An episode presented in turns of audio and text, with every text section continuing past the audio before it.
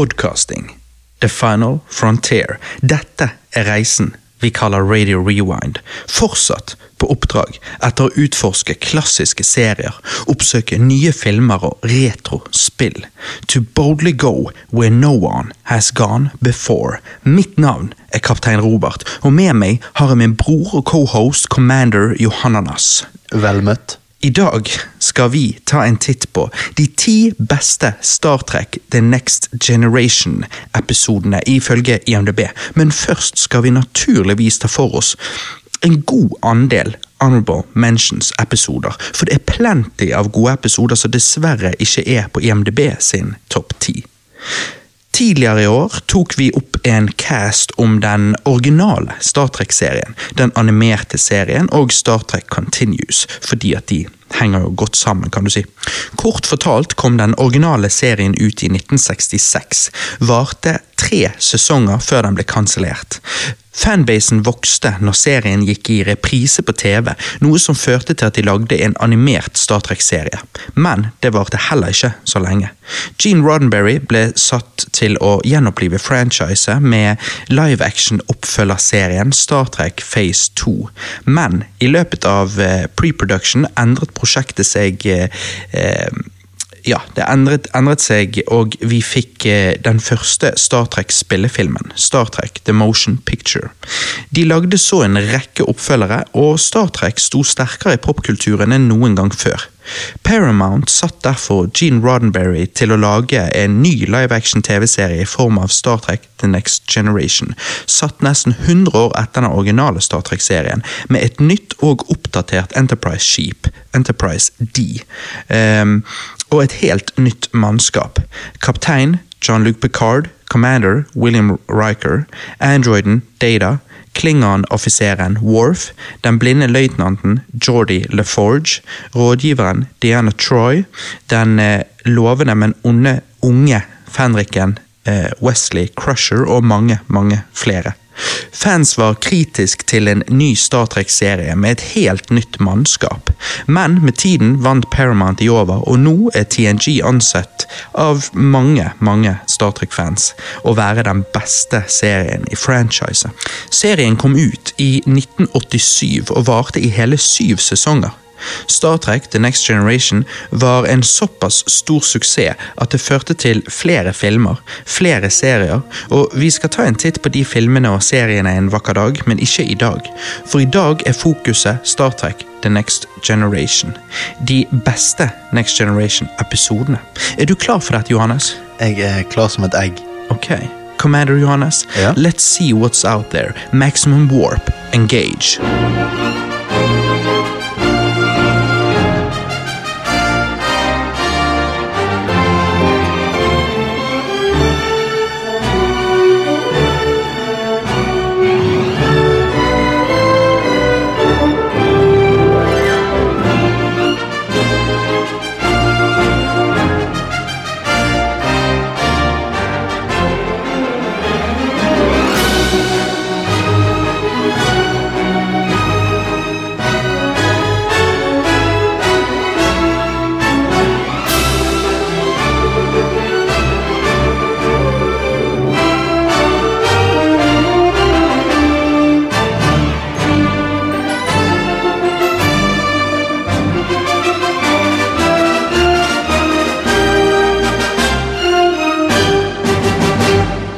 Star Trek The Next Generation var mitt første møte med noe av Star Trek tilbake da jeg var sikkert i tolvårsalderen.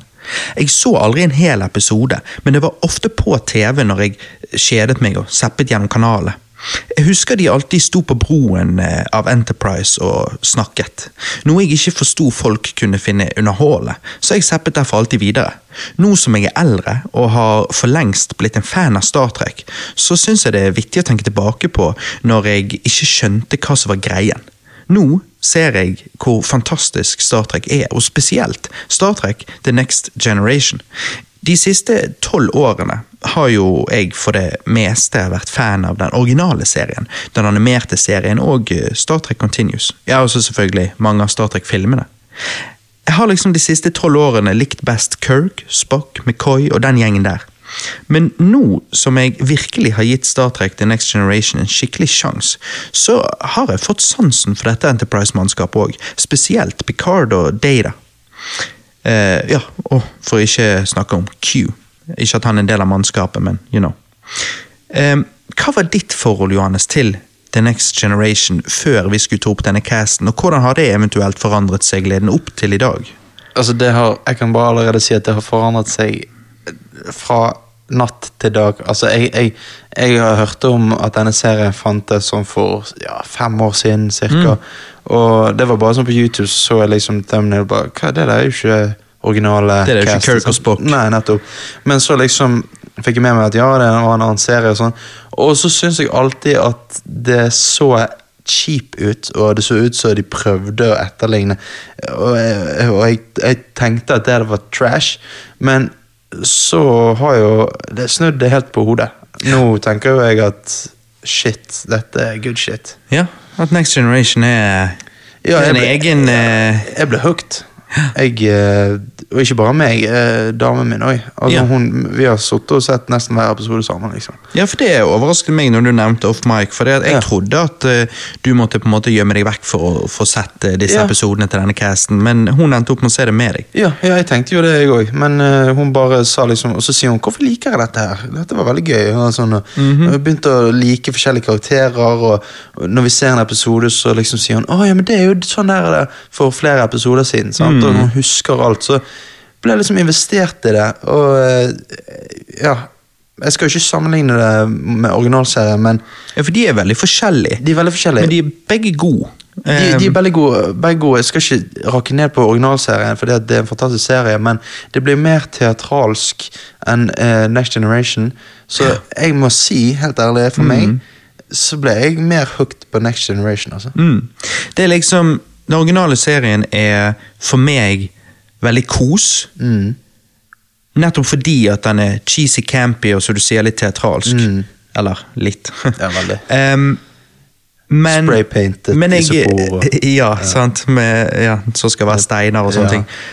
Uh, jeg liker det, da. Jeg syns det er kjempekos. Mm. Men jeg liker òg veldig godt Next Generation fordi at det er mer seriøst. Ja. Og historiene er ofte mm, mer um, karakterdrevet, og Ja. konseptene og dramaet kanskje har litt mer dybde. um, ja, det er det jeg òg føler. og er litt, mer realistisk, håper jeg å si. ja, det eneste jeg må si mer jeg savner, altså det, det originalserien liksom gjør best, det er Spock-karakteren. Mm. For den, den kjenner jeg savner litt. Jeg vet at de prøver med en slags data her. sant? Ok, For jeg liker jo Data ganske ganske Ja, bra. jeg, jeg digger data, men det blir ikke samme karakteren, fordi at Spock har eh, mer karisma. eh, har en annerledes karisma. Jo, eh, men enn vet du hva jeg tror det òg er? At Data er en android. Mm. Og vil derfor aldri forstå seg på hvordan det er å være menneske, likevel han har veldig lyst til å forstå. Ja. Um, mens Spock er jo halvt Vulcan og halvt menneske. Så Det- han har det det. hele tiden den dragkampen inni seg. Fordi at han har følelser, men han, han undertrykker dem. Han blir mer relatable. Det er sikkert det som gjør Ja. Mm. Men eh, samtidig så er jo Data altså, Det er jo favorittkarakteren til, til damen min, Selina. Mm. Så eh, hun digget han, og jeg digger han òg. Men din favorittkarakter er det er um, Det er Q. Ja, ja, ja. Nei, Q er konge. Ja, ja. Han er jo Jeg gleder meg til å snakke om noen av Q-episodene. Ja. Spesielt den ene. Hvis jeg kan si Q, da, eller tenkte du på mannskapet, liksom? Nei da. nei da. Ja. Q er altså For han er jo en returnerende karakter. Ja, ja, ja. Nei, ok. Ok. Em, jeg har sett godt over 50 potensielle Honorable Mentions-episoder, sånn at jeg kunne sitte sammen denne Honorable Mentions-listen. Eh, jeg fikk kuttet den ned til Ja, altså, jeg klarte ikke å kutte den så veldig ned, da. Så Honorable Mentions-listen er på over 30 episoder. Eh, men det er ikke min feil at Star Trek The Next Generation bare er så jævla bra. Ja. For det tingen er at liksom, når det kommer til Som jeg sier, jeg liker eh, originale serien, men for det første er det syv sesonger her, så er det mer å ta av. Ja. Og det er ingen tvil om at Next Generation òg har dårlige episoder. Men, men det er veldig mange gode episoder her. Så liksom, hvor liksom originale serien har kanskje eh, to-tre eh, Mm. episoder som, som kommer opp på en eh, svak eller vanlig eller sterk ni Ja. eh, and above, så har jo Next Generation mange sånne for meg. Så Ja. det er um, ja. Og derfor var det vanskelig å kutte listen ned, og derfor blir det så mange Honorable Mentions-episoder. Ja, jeg merket det var veldig krevende å lage en personlig topp ti, fordi det var bare så mange episoder som jeg hadde gitt det samme høy, Mm. høye karakteren. Og eh, det er bare færre av Eller nå har jo ikke vi kanskje sett de dårligste, men, men jeg, jeg eh, Ja, jeg føler at eh, det er mer consistent her enn i originalserien. Ja, og det, det, det skal sies da, når det liksom Når du har dårlige episoder av originale serien, som f.eks. Spock's Brain, så er det likevel underholdende for meg fordi at det er so bad it's good, eh, på en måte. Um, mens de dårlige episodene i Next Generation som jeg har sett, er rett og slett bare sjelløs og kjedelig. Ja. Så, du, så du finner ikke så De dårlige episodene av Next Generation finner jeg ingen underholdning i. De dårlige episodene i, i originale serien finner jeg likevel underholdning i. Nettopp. Så den skal den originale serien få, håper jeg. Ja, det er det. Er sant. Men ok, la oss begynne med pilotepisoden Encounter at Farpoint. På Enterprise D sin jomfrutur til romstasjon Farpoint møter mannskapet på en alien som kaller seg sjøl Q. Som du nettopp sa var din favorittkarakter. favorittkarakter. Han mener menneskerasen er primitiv og barbarisk. Picard er uenig, så Q utfordrer Picard, Picard til å bevise han feil. Eh, Q er jo Hvordan skal du beskrive Hva er Q? Ja, han, er, altså, han er jo Vi får jo se han i en menneskeskikkelse. Han ser ut som et menneske, men han er en slags superalien som har overnaturlige krefter. Han er, en, han er en del av The Q Continuum, Ja. en, en, en samling av sånne som han, som fra vårt perspektiv blir jo liksom mektige guder. Ja, men Fordi jeg, at de kan gjøre akkurat hva de vil. De kan knipse, og så bare Altså, de kan, Ja. Det er ingen begrensninger. men jeg lurte jo på om Q skulle representere djevelen. Ja, på mange måter ja. er jo han Han er jo en, en skøyer. Mm. Han er en skøyer, Og, eh, litt sånn hånende og Ja. Og litt som jokeren i Batman. Han er sånn all over the place. Ja. Han er litt crazy. kan prøve å lure deg. Men etter hvert så føler man at han, at han viser at han har hjerte òg, da. Ja. Så uh, han er vel, jeg vil ikke si djevel, men en, uh, men en, en, um, En joker. en skøyergud. Ja, ja, ja. En, uh. Skøyergud. Og, og som jeg sa, knipse, og hva som helst kan skje. Mm. Um, han kan bare sende Enterprise langt av gårde. Han kan bare uh, Ja, han, altså, han, det er ingen begrensninger, så det er vanskelig å beskrive hva han kan gjøre. Han kan gjøre hva som helst. Ja. Em, vi får en veldig artig liten cameo her i denne episoden, Encounter at Farpoint, da, eh, av den alltids koselige og litt snarky McCoy fra den originale serien. En eh, type passing of the torch. 137 år gammel skal han liksom være her. Looks like hell, men hei, eh, ville ikke vi alle i en sånn alder? Du eh, liker jo kanskje McCoy her, fordi at eh, eh, Jeg fikk ikke med meg at McCoy var med i den episoden. Du duppet av. Nei, nei. Hva, hvem er han her? Han er en gammel, gammel Han er McCoy. Å ja, vent, når du sier det Jeg, jeg, men kan, jeg kan ikke huske det. Men Jeg jeg lurer på om det er deg, så, så viser han litt rundt på Enterprise eller annet sånt. Å, ja, ja, nå husker jeg det. Ja, ja. Uh, nei, for jeg tenkte kanskje du spesielt likte det at han var 137 år, for da er jo han, hva er det du kaller de? Supercentenarians? da har han slått uh, verdensrekorden. Alle rekorder. Og så er han mann i tillegg. ja, nei, det er helt sykt. Ehm, det vi får se her i denne pilotepisoden, er noe veldig unikt til Next Generation. Eh, noe vi ikke fikk i den originale serien. The Holodeck. Vi fikk noe lignende i den animerte serien, så dette er ikke første gang, men det er første gang vi ser det i en live action Star Trek-serie. The Holodeck er et hologramrom, en virtuell verden på Enterprise. Holodeck kan være hva du vil. Et treningsrom, en eksotisk planet, et sted å spille f.eks. et Sherlock, Holmes rollespill. Um, ja, til, Det høres rart ut som et eksempel, men, men grunnen til det er jo at det er en episode der de gjør det, men anyways. Oh, ja, ja.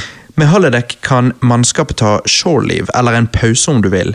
Eh, noe jeg kan se for meg ganske gunstig, så ikke mannskapet blir utbrent. Jeg eh, må òg få nevne at jeg digger disse miniatyrmodellene av byer og den slags. CGI er liksom ikke helt det samme, skjønner du hva jeg mener? Jepp. Jeg, eh, jeg digger det òg, men det, det forventet jeg ikke heller. Jeg tenkte nå er det vel de begynner å eksperimentere med CGI. Sånt. Ja, nei da, det, her er det fremdeles practical. Det er det. Slutten på denne episoden er jævlig rar. Jeg tenker jo da på de glødende space blekksprutene. Ja, jeg, jeg skjønte ingenting. Det er ikke akkurat liksom høydepunktet, for å si det sånn. Nei, men det var litt creepy. Men uh, jeg vet ikke om det var det det skulle prøve å være heller. Så jeg, jeg, Jeg vet ikke. nei, jeg skjønte ingenting. Men begynnelsen er veldig spennende. veldig spennende. Uh, men resten av episoden er litt treig. Dette er naturligvis en viktig episode på den måten at han liksom introduserer oss til Enterprise D, mannskapet og villain i serien Q. Q, som du nevnte òg, kommer vi til å se mer av, så da er jo det greit å vite hvor han kom fra. håper jeg. Jeg gir Encounter at Farpoint en svak syv av ti. Hva syns du om denne pilotepisoden, Johannes? Uh, jeg syns han er veldig bra. Han introduserer oss til karakterene, så det er jo Picard, sant, og han skal på en måte uh, ta fakkel fra uh, Kirk og Data fra Spock. sant? Du har litt de der forskjellige sammenligningene. Og så liker jeg veldig godt hvordan episoden begynner, og de snakker om dette her med eh, menneskers svakhet og sånn. sant? Og Q liksom stiller spørsmål eh, overfor at ja, mennesker er så primitive, og hva gjør dere når dere møter en rase som er så mye mer superior? sant? Eh, og du ser virkelig at eh, altså det, det, Jeg fikk nesten litt sånn frysninger. Det er måten Picard snakker til Q på. For Han er liksom sånn, han, han står ved sine idealer uansett og sier at Det gjør han. ja, de vil bare utforske eh, verdensrommet. sant? Men eh, Picard er en veldig sterk mann, men òg det. en mye mer diplomatisk mann enn Kirk var. Kirk var en Ja. litt sånn cowboy. Det er det. Picard er veldig diplomatisk, veldig intellektuell, Ja. men òg veldig sterk likevel. Ja, han han er ikke uh, en eh, for, Fordi at det jeg merket forskjellen mellom uh, The Original Series og Next Generation, var uh, mengden vold. Det er mye mindre vold i Next Generation. Det Det er er nesten ingen slåsskamper eller noe sånt. Nei, og det er um, Det er, det er, det er på en måte det som gjør Star Trek til Star Trek, for det Ja. er for bokormene. Eh, Ja. Eller eh, bo, lesehestene, ja, eller hva du skal sant? si. Det, det passer mer fanbasen, sånn sett. Ja, Det er liksom mer eh, intellektuelle fokus og, og sånne ting eh, på historien og sånn enn en action, da. Ja, og det får historien til å flyte fortere. Enklere å, å følge med. fordi at hvis du skal sitte tilbake og, og se på to menn eh, lekeslåss, og av og til ser du at det er stuntmenn, sant? altså Ja, i originalserien. I Originalserien er jo sånn som denne når han fighter denne Gorn, eller hva det er. Gorn, ja, ja, ja, den er eh, ja. Så er jo det en helt forferdelig er fight-sekvens. Og når Spock og, og Kirk skal slåss mot hverandre i den ene episoden, så ser du det stuntmenn og alt sånt. Men, eh, og, men jeg syns det der med blekksprutene var rart. Men det var litt sånn Jeg hadde ikke noe problem med det. Så jeg gir det en åtte av ti, faktisk. Shit, Første episoden. det er, det er en eh, høy score. Fordi, for, fordi det var bedre enn jeg forventet. Ja, ja. Så Ja, det er det. Dette var liksom din introduksjon til dette. Ja. og ja, Jeg har jo sant, jeg har jo sett Encounter at Farpoint for mange mange år siden nå, men um, Ja, ja. for jeg, jeg forventet liksom Skal det være Star Trek The Original Series uh, off-brand-aktig følelse? Men det føltes Nei, som det er helt sin egen ting. Ja. Absolutt. Ok, da har vi ehm, Da hopper vi noen episoder til den femte episoden i serien. We're no man. Nei, det er det som er forskjell. Eh, De er litt mer eh, politisk korrekte i Next Generation. Where no one has gone before. Vi har jo en episode som allerede heter Where no man has gone before i originale serien. Ja, ja. Et warp speed-eksperiment sender Enterprise 2,7 millioner lysår av gårde på bare noen minutter. Ved maximum warp ville det tatt de 300 år å komme seg hjem igjen. Når de prøver, ender de opp en milliard lysår fra jorden. Et sted ingen har noen gang hørt om, et sted ikke engang kartlagt ennå. Et sted hvor det mannskapet tenker, oppstår. Noe som er både kult, men selvfølgelig veldig farlig. Hvordan skal de finne veien hjem igjen? Vel, det er en alien om bord eh, Enterprise som kaller seg sjøl for The Traveler. Det er han som har forutsagt dette, men heldigvis retter han på feilen og får alle trygt hjem igjen. Det som er interessant, er at The Traveler mener Wesley, denne kiden om bord Enterprise, har en veldig lys framtid. Han sammenligner Wesley med Mozart, men for romreising. Noe han eh, kun forteller Picard, men det gir Wesley-karakteren mer tyngde fremfor at han bare er en annoying kid om bord Enterprise. liksom. Enig. Picard gjør Wesley til Fenrik og stiller krav om at han må lære seg alt som er å lære om bord Enterprise. Jeg liker dette aspektet ved episoden, eh, det å sitte opp eh, Wesley-karakteren på den måten, men selvfølgelig, jeg syns ikke de forfyller denne prophecyen helt gjennom serien. De gjør jo ikke det. Og det har jo òg med å gjøre at han som spiller Wesley, ville på et tidspunkt eh, ut av eh, kontrakten, ut av Star Trek, fordi at han fikk mange eh, Andre spillefilmtilbud og sånne okay. ting som det. Um, men han kommer tilbake av og til her og der. Eh, men det er bare litt kjedelig at, at de sitter det opp her på denne måten, og så blir han ikke en så viktig karakter som, som vi får inntrykk av her. Men jeg syns Ja. det var kult da, i denne episoden. Det er kult. Alt i alt er dette en simpel episode. En episode som får en til å undre over hva som er der ute, utenfor det observerbare rom. En episode som fokuserer på makten tanker og ideer har. Dette er en koselig episode, en gøy en. Likevel den er simpel, sånn jeg ser det.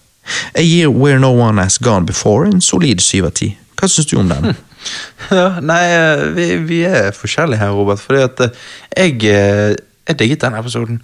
Og jeg, altså Alt ifra Han er arrogante duden. Sant? Så, Ja. Han spiller veldig bra. For det, The Traveler er jo sammen med en annen dude. Ja, en annen dude. Og han duden tror at det er han som vet hvordan å maksimere warp-driven. Holdt Ja. si. Så han kommer om bord Enterprise for å så, eh, gjøre noen justeringer som vil maksimere warp-driven. Men egentlig er jo det han kompanjongen hans, The Det er Traveler-alien. han. Så han Det er jo egentlig han som gjør det. Ja, ja.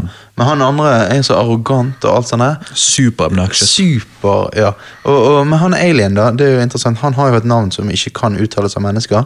Så det er derfor de kaller han a traveler. Eh, Det, det var litt gøy. Og så er det dette her med at det er en skummel episode, fordi at de når jo dette her stedet i verdensrommet der, der de hallusinerer. Sant? Og, alt sånn.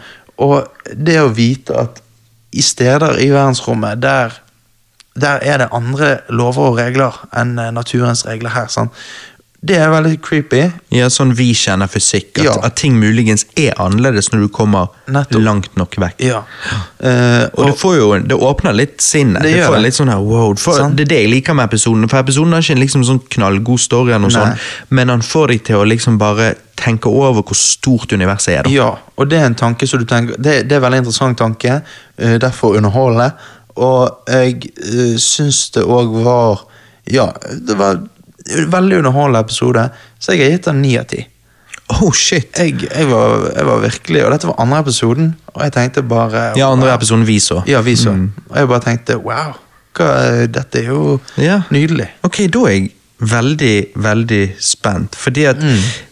um, Jeg liker han jeg òg, men jeg syns han er for simpel. Eh, fordi at det jeg føler han gir, er bare den der følelsen at du tenker over hvor stort rommet er. Ja. Ehm, og det er jo ikke akkurat liksom så, Altså, det er det, men det er ikke så mye mer enn det. Men det Ehm, er jo en veldig stor tanke. Ja da, det er en stor tanke, men jeg trenger litt um, Du trenger, Litt mer. du trenger et layer til, på en måte. Ja, ja, absolutt. Ja. Så hvis dette var A-historien, og så hadde du en B-historie som òg var eller, eller kanskje hvis dette var B-historien, og så var A-historien òg noe annet, så hadde jeg likt det, men dette Mm. Ja. er liksom Så vidt jeg husker den eneste historien. Mens i mange Ja. episoder har jo de sånn en A-historie og en B-historie. Det er det de har.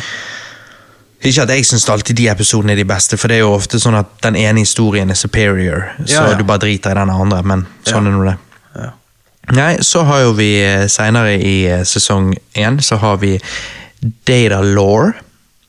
Enterprise besøker planeten der Data ble konstruert, og eh, oppdager en annen android som ligner han. Law. Basically Datas bror. Det viser seg at eh, de to er veldig forskjellige, likevel de ser like ut. Laure slår av Data, stjeler klærne hans og gir seg ut for å være han. Dette er en utrolig kul episode som gir oss Data sin backstory, noe som gjør at jeg i hvert fall forstår mer av karakteren og kan sitte mer pris på han. I tillegg viser denne episoden litt det samme som den forrige. Wesley sin styrke i form av at han er mer våken enn de voksne, og får derfor fortere med seg at eh, det er noe som ikke stemmer her. Så det er kult å se. At de Ja. bygger videre på den Wesley-arken eh, litt, likevel de abandoner han eh, senere. Eh, Dette er ikke en episk episode med et stort, komplisert problem de står overfor, men en mindre artig, tradisjonelt eventyr hvor Wesley og Data redder dagen. Jeg gir Data Law en svak åtte av ti. Hva syns du om den, Jonas? Ja, jeg, eh, jeg syns denne episoden var veldig bra. øh, øh, og egentlig litt enkel. Altså, sant? Det er jo bare at de finner broren hans og, og hvor Litt backstabbing sånn. og ja, sant? litt sånn. Men det er veldig creepy med det der at noen gir seg ut for det de ikke er. Mm. Og jeg syns det var vittig måten på en måte, Han samme skuespilleren spiller jo broren sin. Ja, ja, ja. så han må spille to forskjellige karakterer. Ja, og de, Og- og de er så forskjellige, Ja. så det er veldig artig. Det er veldig artig. Jeg, Han klarer det bra. Veldig bra. Han er kjempegod skuespiller, han som spiller deg, da. Men jeg, jeg eh, Det er litt sånn cheese når liksom Data skal lære seg å le. Uh, han skal liksom prøve å nyse. Uh. Så han, han er veldig sånn Han prøver å etterligne menneskene. Ja, det er cheese, men hvem liker ikke cheese? Sant? Ja. Så jeg gir den episoden åtte av ti. Ja. Ok, så Siste episoden tenker vi trenger å nevne i sesong én, er jo en av de siste i sesong én.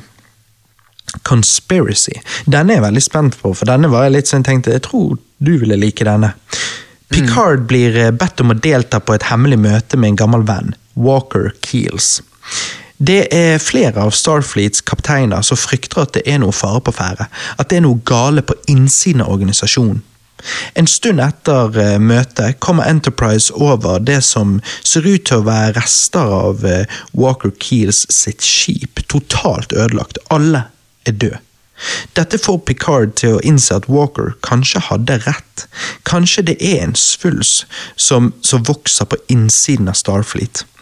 Data blir satt til å gå gjennom alle dokumentene i Starfleet, Starfleet for å se om han finner noe som ikke stemmer. Sant? Dette er jo noe Data kan gjøre på kort tid sammenlignet med et menneske. Data finner det de leter etter, og kommer sammen med Picard frem til at de må reise tilbake til jorden for å stille admiralene der noen spørsmål. Det viser seg å være parasitter som har tatt over flere i toppen på Starfleet. Parasittene sitter i nakken på dem, kontrollerer hjernen deres. Det hele ender med en spennende tredjeakt med noen fete, men ekle spesialeffekter. Conspiracy er basically en Star Trek-skrekkepisode. Minner meg veldig om Twilight Zone, og jeg digger det. Jeg gir Conspiracy 8 av 10. Hva syns du om den?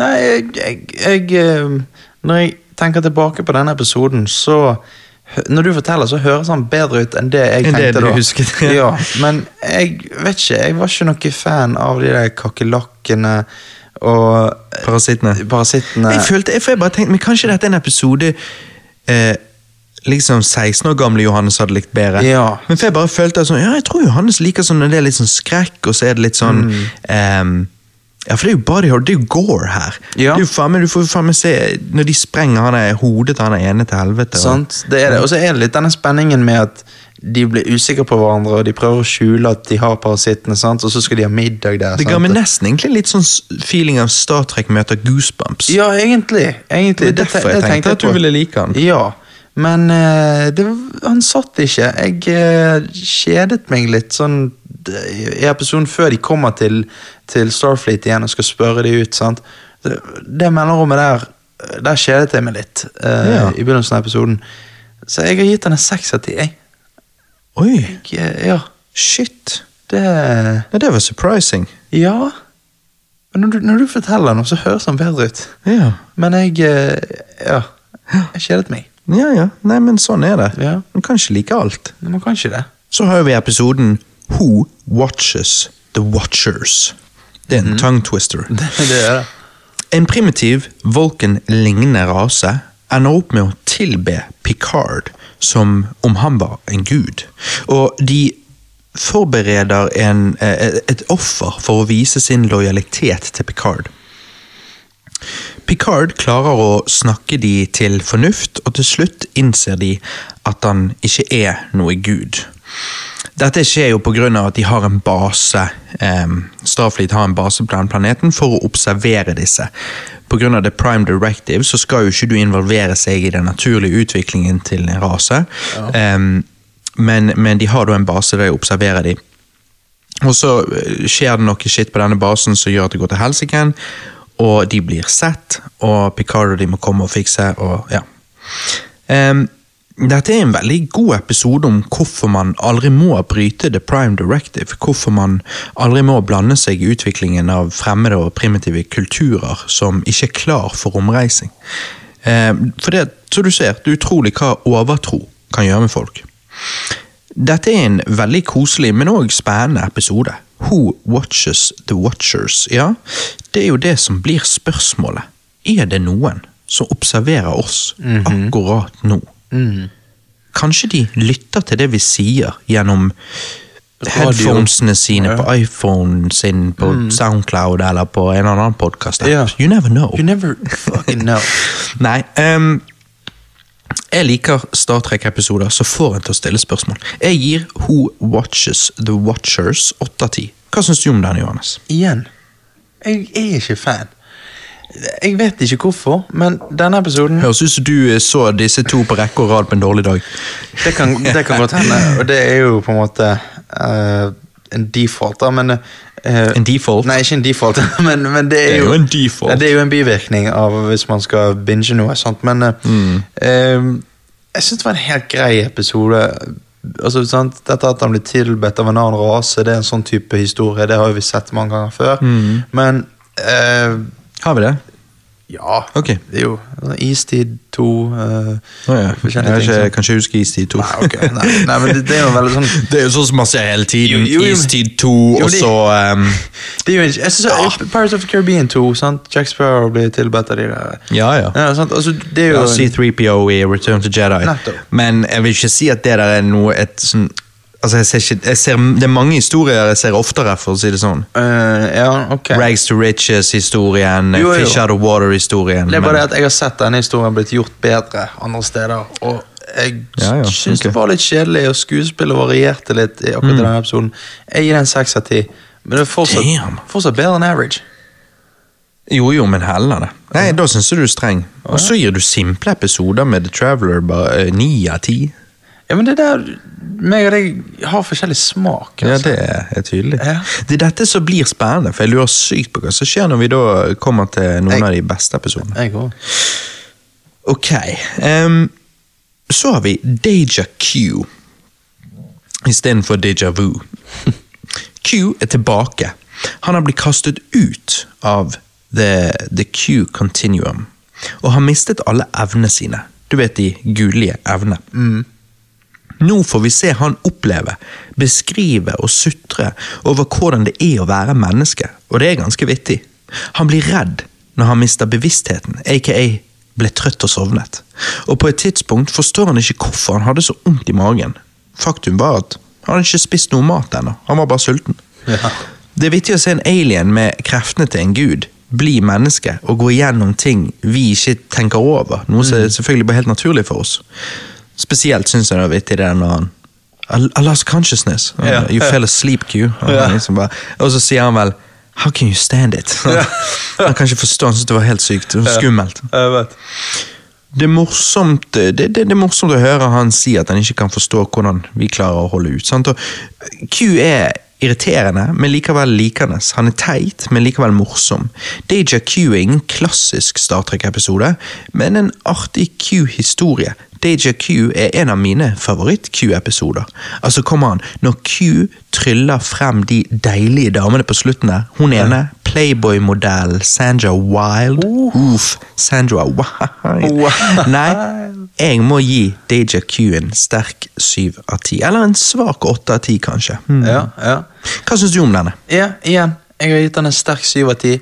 Fordi at jeg digger Q, og det er han som er på en måte Han stjeler showet i denne episoden. Det er jo hans episode. Det er hans episode, og, og dette her når han skal bestille eh, mat sant? De sitter der i baren og sånn, han bare I don't know what to eat. Uh, altså, de bare «Oh, What do you like to eat? spør han. Jeg husker ikke hvem han spør, men han i hvert fall sier eh, sånn eh, Ice cream sunday, et eller annet sånt. Og han liksom bare Ok, I'll have ten of those. Og, så, sier og han bare Ten? Og han sånn bare Ja, jeg har aldri spist før. Hva, liksom, sånn. uh, og så uh, Nei, han er bare veldig witty. eh, og, og litt sånn der arrogant, og, men han har liksom han, han er det lovable Han er det, um, den du elsker å irritere deg over. Og um, vet du hva Hvem Q minner meg om, Robert? Vi har hatt han på cast her flere ganger. Preben.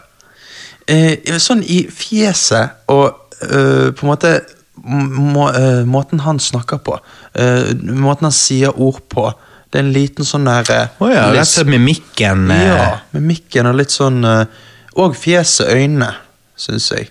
Men det har jeg ikke tenkt på. Nei, ok. Nei. Men det, det syns jeg. Uh, så det, Det, jeg litt synes det er jo. Picard. Jeg tenker på Picard, så tenker jeg på onkel vår, Trond. Å ja, du tenker Trond? Ja. Å ja, jeg tenker, jeg tenker eh, Han ligner jo med- Onkel Bjørn. Nei, Jo. Picard er jo skallet og Ja, ja, men onkel Bjørn har jo kort hår. Og... Jo, men, men så utseendemessig ser jo ut som Trond. Ja, men han har ikke, Trond har ikke de øynene. Nei, nei. Men alt annet enn øyne. Ja, ja da. Da, da er det sant. Ja. Men, Men han eh, Bjørn har jo ikke de øynene heller. Jo, nesten. Vil jeg påstå. Nei, shit. Nei, nei, nei. nei det er jeg helt uenig i. Ja. Trond har mer de øynene der enn en, en Bjørnar. Ja, ja. Nei, her ser du, kjære lyttere, vi drar inn familiemedlemmer og kamerater og alt mulig. Vittig. Hvem- er, da er spørsmålet hvem er vi, da? Du, vi må, vi, må, vi må lage en sånn poll. Vi tar to, laster opp to bilder av onklene våre, så har vi en poll der folk kan stemme. Nei, hvem vi er Bilder av Q og Preben. ja. Ja, hvem jeg, hvis- er jo jeg, jeg vet jo hvem jeg er. Ja, ok, nå er jeg spent. Jeg er jo Riker. Ja, jo, det er sant. Er det sant? Eh, Du er Jeg aner ikke hvem jeg er. Men du er Riker. William. Riker. Ja, det er noe med skjegget Ja. og eh, sveisen. Ja. Og når du ligger litt på deg, så får du litt sånn tjukk, Ja. stor brystkasse. han har, han er, altså, Proporsjonene på den, den torsoen hans er weird. Ja, det er veldig rart. Han har så jævlig stor, utstikkende brystkasse. Ja, sant. Og så går han så jævlig stivt. Men du ser at han er en høy mann. Han for han går litt sånn rart. Ja, Men vet du hva, når, når Riker ikke har skjegg, vet du Mm. hvem han minner om da? Ja, jeg vet jo hvem de ville han skulle minne om. De ville jo han skulle minne om Kirk. For det var jo det at hvis Picard ikke funket, så skulle egentlig han bli hovedkarakteren. Ja, Eller men kaptein. jeg tenker på en som har spilt Bond. Hvem er det han minner om eh, da? Nei, det må det vel være uh, Pierce Nei uh... Nei, jeg vet ikke. Roger Moore. En ung Roger Moore. Det er knalllikt. Ja, da må det være veldig ung. Ja, men det er noe med øynene der og Mens jeg tenker, når jeg tenker Roger Moore, så tenker jeg bare en eldre mann. sånn. ja, ja, du tenker Men ja, ja. hvem i all verden kan jeg være, da? Nei, eh, du er jo Q, du. Nei, du sa Preben var Q. ja, Preben er Q. Men du er jo um, um, Han er eh, sønnen til hun uh, legen. Wesley. Eh, Crusher. Er du Wesley, du?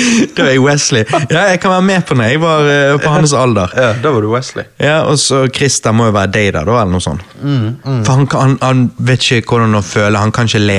Nei, han vet ikke. Bare at Data har lyst, da. Christer har ikke lyst. Det er forskjell. Har ikke. Men hvis Christer skulle prøvd, så hadde det blitt sånn ha, ha. Ja, ja riktig. riktig. uh, ja, Eh, vittig, da har vi funnet ut av det. vi har det. Mm. Ok, så har vi The Offspring. Data lager en android eh, som han gir navnet Lal, i håp om å videreutvikle og bevare hans egenart.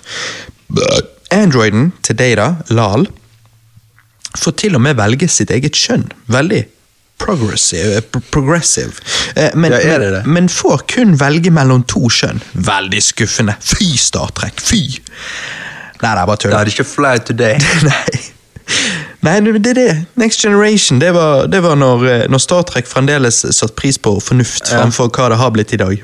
The data sier jo That's why you must choose your gender to, to complete your appearance. Mm. Men du vet, i dag så uh, Så det er motsatt. Så er Don't det motsatt. choose a gender. I don't, I don't, don't have, have an appearance. Have Nei, altså Star Trek, moderne Star Trek sammenlignet med ja, Nei, vi skal ikke gå inn på det. Nei.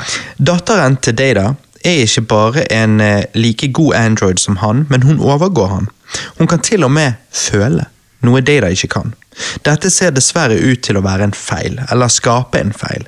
Jeg er ikke helt sikker på hva som kom først, høna eller egget, men uansett, det ender dessverre med at Lal ikke klarer seg.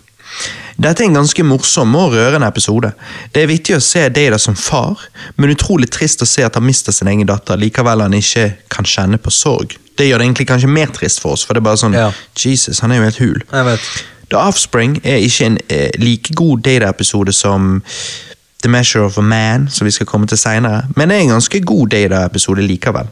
Jeg gir eh, The Offspring en solid syv av ti. Ja, helt same. Gir han en solid 7 av 10, og enig med alt du sa, egentlig. Easy. Der har du det. Nå er vi in sync. Ok, ok, da er jeg spent. Den neste episoden er jo litt spesiell. Sarek. Den legendariske føderasjonsambassadøren Sarek besøker Enterprise for å gjennomføre fredsforhandlinger med legaransrasen, whatever. Men noe er gale. Mange på Enterprise får ulogiske humørsvingninger, til og med Sarek, faren til Spock. Ja, det er jo verdt å nevne. Faren til Spock. Det er viktig. Han er jo Volken, men feller tårer under en Mozart-konsert på skipet. Um, altså ikke at Mozart var der, men at folk spilte Mozart-musikk. spiller Mozart. Ja. Det viser seg at helsen til Sarek ikke er helt god, men med hjelp av Picard får han gjennomført fredsforhandlingene. Picard, eller dvs. det vil si Patrick Stewart, sin acting her, når han mindmelter med Sarek, er jo bare helt utrolig. Altså Rett og slett fascinerende. Dette er en slow build, men likevel verdt det. Denne episoden utforsker følelser, alder og sårbarhet. Dette er en, det er en bittersweet historie, men en historie som får deg til å sette pris på livet og alt som kommer med, både godt og ondt. Det var utrolig kjekt å se faren til Spock igjen, så jeg gir Sarek åtte av ti. Hva syns du? Ja, nei, jeg synes det var en Altså, det er en god episode, og eh, jeg synes det var interessant dette her med at folk begynner å bli voldelige, sant, og de skjønner ikke hva som skjer, sant, og eh, det er litt sånn mysterium der. Eh, og det at han her eh, faren til Spock hele tiden blir sliten. Sant? Altså, Mm. Åh, nei, jeg er så sliten. Og alt når, plutselig kan han Altså, han er emotional distress. Det er Jo, samtidig er jo han, det, det er jo mer de rundt han som mener at han ikke tåler ting Ja. og er så sliten. Han Ja. vil jo likevel gjøre ting. Han vil gjøre ting, men han har jo den sykdommen. sant? Eh, Men det er jo det de prøver å skjule. Ja, men uh, jeg gir det en solid syv av ti. Jeg syns det var en Ok, eh, ja. en karakter under. Ja. Da er vi out of sync. Yep. Ok, ok. Så har vi um, Brothers. Nå er vi, nå er vi, kommet, til- nå er vi faktisk kommet til sesong, sesong fire. Ja. Det, det, Ehm, der sa du det akkurat som Data hadde sagt det. Hva? Brothers. Ja, okay. It's brothers, sir. Yeah. Brothers. Eh, sesong fire, grunnen til at jeg sier det, fordi at når du kommer til sånn For første sesongen og andre sesongen, ikke så bra. Tredje begynner å bli bedre, men når du kommer til sesong fire, herfra, så er det liksom godis. Oh, Fire, yeah. fem, seks og syv er ganske bra sesonger. Yep. Ok, i Brothers ehm, har vi da Data, som ser ut til å ha blitt hacket. Han tar kommando over Enterprise og sitter kursen mot et ukjent reisemål. Vi møter Data sin skaper, og vi får et gjensyn med Law, hans brother. Yep. Um, dette er en god oppfølgerepisode til Data Law-episoden. Data kommer så nær å få alt han noen gang har ønsket seg, følelser, men Law kommer i veien, som vanlig. Dette er en god episode, men det er litt frustrerende at vi ikke får en avslutning på historien her før i siste sesongen av serien. Data og Lore-historien, eh, som begynte i Data Lore, blir utforsket videre her i Brothers, men ender ikke før vi kommer til dobbeltepisoden Descent. Jeg vil si at det er best å se alle tre etter hverandre, litt som en Data-trilogi. Eh, men imellom denne episoden og dobbeltepisoden Descent bør man se episoden Iborg. Vi skal komme til både Descent og Iborg senere. Mellomhistorien her i Brothers er ikke like god som Daedalore, men jeg gir likevel Brothers og en eh, svak 8 av 10. Hva syns du? Jeg gir Data Nei, nei, denne het uh... Jo. Nei, Brothers. Brothers. Mm. Uh, jeg gir Brothers uh, en 8 av 10. Mhm. Uh, jeg jeg eh, digger begynnelsen med at jeg bare skjønner faen, hva, hva er det de gjør? sant? Mm. Uh, han bare hører ikke på noen, han saboterer skipet. Uh, kommer seg ned der, møter sin skaper. og Det var veldig interessant samtale han har med skaperen sin. Litt sånn filosofisk, for han nevner jo om at mennesker liker gamle ting. Mennesker har en fascinasjon med, med gamle ting, og så sier han at liksom, Hvorfor? Sant? Hvorfor er det, hvorfor ikke skape nye ting? Liksom, hedre det, sant? men det er liksom noe gammelt, da blir det så verdifullt og alt sånt. Uh, Ja, at noe får verdi når det, det at det Ja. er uh, vintage gammelt, ja, eller, selv om, selv om eller det kan være ubrukelig, sant? så har det verdi fordi det er gammelt. Mm. Uh, men eh, i hvert fall så er det òg veldig creepy, fordi at du vil jo ikke at Data skal få dette han har lyst på, den chipen. Sånn. Ja, ok, Jeg har jo litt lyst til å vil, se han få det. Ja, ok, jeg vil ikke, for jeg vil liksom sånn Ja, vil du det? Det hadde ikke Ja. blitt litt sånn som Laure, da. Nei, Laure er jo en bad seed. Ja, men, men, Data er jo the good guy. men Laure har jo følelser. Ja, ja, men, men han er jo bare ikke helt riktig. Nettopp. Og Det var jo derfor Law ble skjøttet ned Ja. når de ble lagd. Og så Ja. lagde de Data. Det er Forbedret sant. han. Ja, altså, det, det kunne jo gått til helvete, men Ja, det bare Det kunne jo det, så det er liksom farlig å tukle med det, sant? Men det er veldig jeg hadde håpet at det hadde gått, og så hadde jeg på en måte håpet at det ble bra. da. Ja, men det er veldig heartbreaking å se på slutten når skaperen dør foran ham, sant? og liksom han kaller han father. Sant? Og sånn. Nå kan ikke jeg helt huske, men er det, er det han som spiller Data, som òg spiller faren? Jeg lurte på det. Jeg eh, tenkte de må ha fyrt på en haug med prosthetics eh, i så fall, men eh, det var noe med øynene som, eh, som talte til meg. Men Ja. det må i hvert fall være Det må jo være imponerende av han skuespilleren, da. Ja, Han som spiller Data. jeg lurer på om han eh, For han er en god skuespiller. Eneste spørsmålet mitt Jeg er er usikker. Jeg vet at han spiller han i en annen episode, men jeg vet ikke helt om det er han som spiller han Nei, i de- Brothers. Ja, men når de sier at Data ikke har følelser, så er jeg litt sånn ok, greit. Men han ser jo ofte confused ut. Er ikke confusion en følelse? Eh, jo, hvis du er det. Ja. Eh, men men det, det som er med, med Data, er jo at han eh, Han ehm, Han uttrykker jo av og til eh, på en måte små følelser. Han, kan, han smiler jo av og til, og sånne ting, sant? men det Ja. er jo et uttrykk han gir de andre rundt seg. For å signalisere noe? Ja. Ja, Men ikke at han faktisk føler det sjøl. Ja, han bare vet at dette er normal reaksjon nå. eller sånn. ja ok, så det kan hende han signaliserer at nå er jeg confused nå, Jeg forsto ikke hva du sa, sånn at du skal skjønne at du må si det om igjen eller forklare Ja. det. eller? Ja. Og ikke så mye at jeg følte meg confused, men Nei. databasen min oppi her nå Ja. faktisk forstår ikke. Du Nei, ga meg nettopp. insufficient uh, Ja, uh, For du ser jo når han tror at han fikk nok informasjon, men det ikke gir mening. Ja. Sånn som når de bruker uttrykk. Sånn. Når de uh, we It looks like we have to eh, burn the midnight fuel on this one. Ja. Og så bare går han forbi og bare sier I would recommend against that. Ja, ja. Og så sier han ja, det er et uttrykk, og han bare ok, so what's the proliferation to the inner Og så sier han et eller annet sånn avansert greie, han bare what? Så bare, What's the origin of that uh, liksom saying? Sånn. Ja. Så han eh, Nei, det, det er humor, da. Så det er liksom, når han, tror, når han tror han har fått nok data, så tar data og, og svarer seriøst. Når han ikke har fått nok til å forstå, så tydeligvis uttrykker han det enten gjennom kroppsspråk eller at han sier det. Nettopp. Men, men eh, jeg gir denne episoden en åtte av ti. Sånn som deg. Ok, så har vi Remember Me. Oh yeah! Én etter én forsvinner fra Enterprise. Dr. Crusher, moren til Wesley, er den eneste som får det med seg. Ingen andre har minner av de som liksom skal ha forsvunnet. Til slutt har alle forsvunnet. Kun Dr. Crusher er igjen. Men så får vi se det fra den andre siden, hvor alle er på plass, men det er Dr. Crusher som er savnet. Vi får et gjensyn med The Traveler, og de trenger hans hjelp for å fikse situasjonen. Dette er ikke en eh, spesielt god episode. Dette er, en, dette, det er liksom en filler, men likevel artig nok. Dette er òg en sånn eh, type Twilight Zone møter Star Trek-episode. Samtidig som den eh, bygger videre på den første episoden med The Traveler. Jeg har sansen for eh, disse litt sånn skrekkepisodene, og eh, jeg tenkte kanskje du ville synes det konseptet her var artig.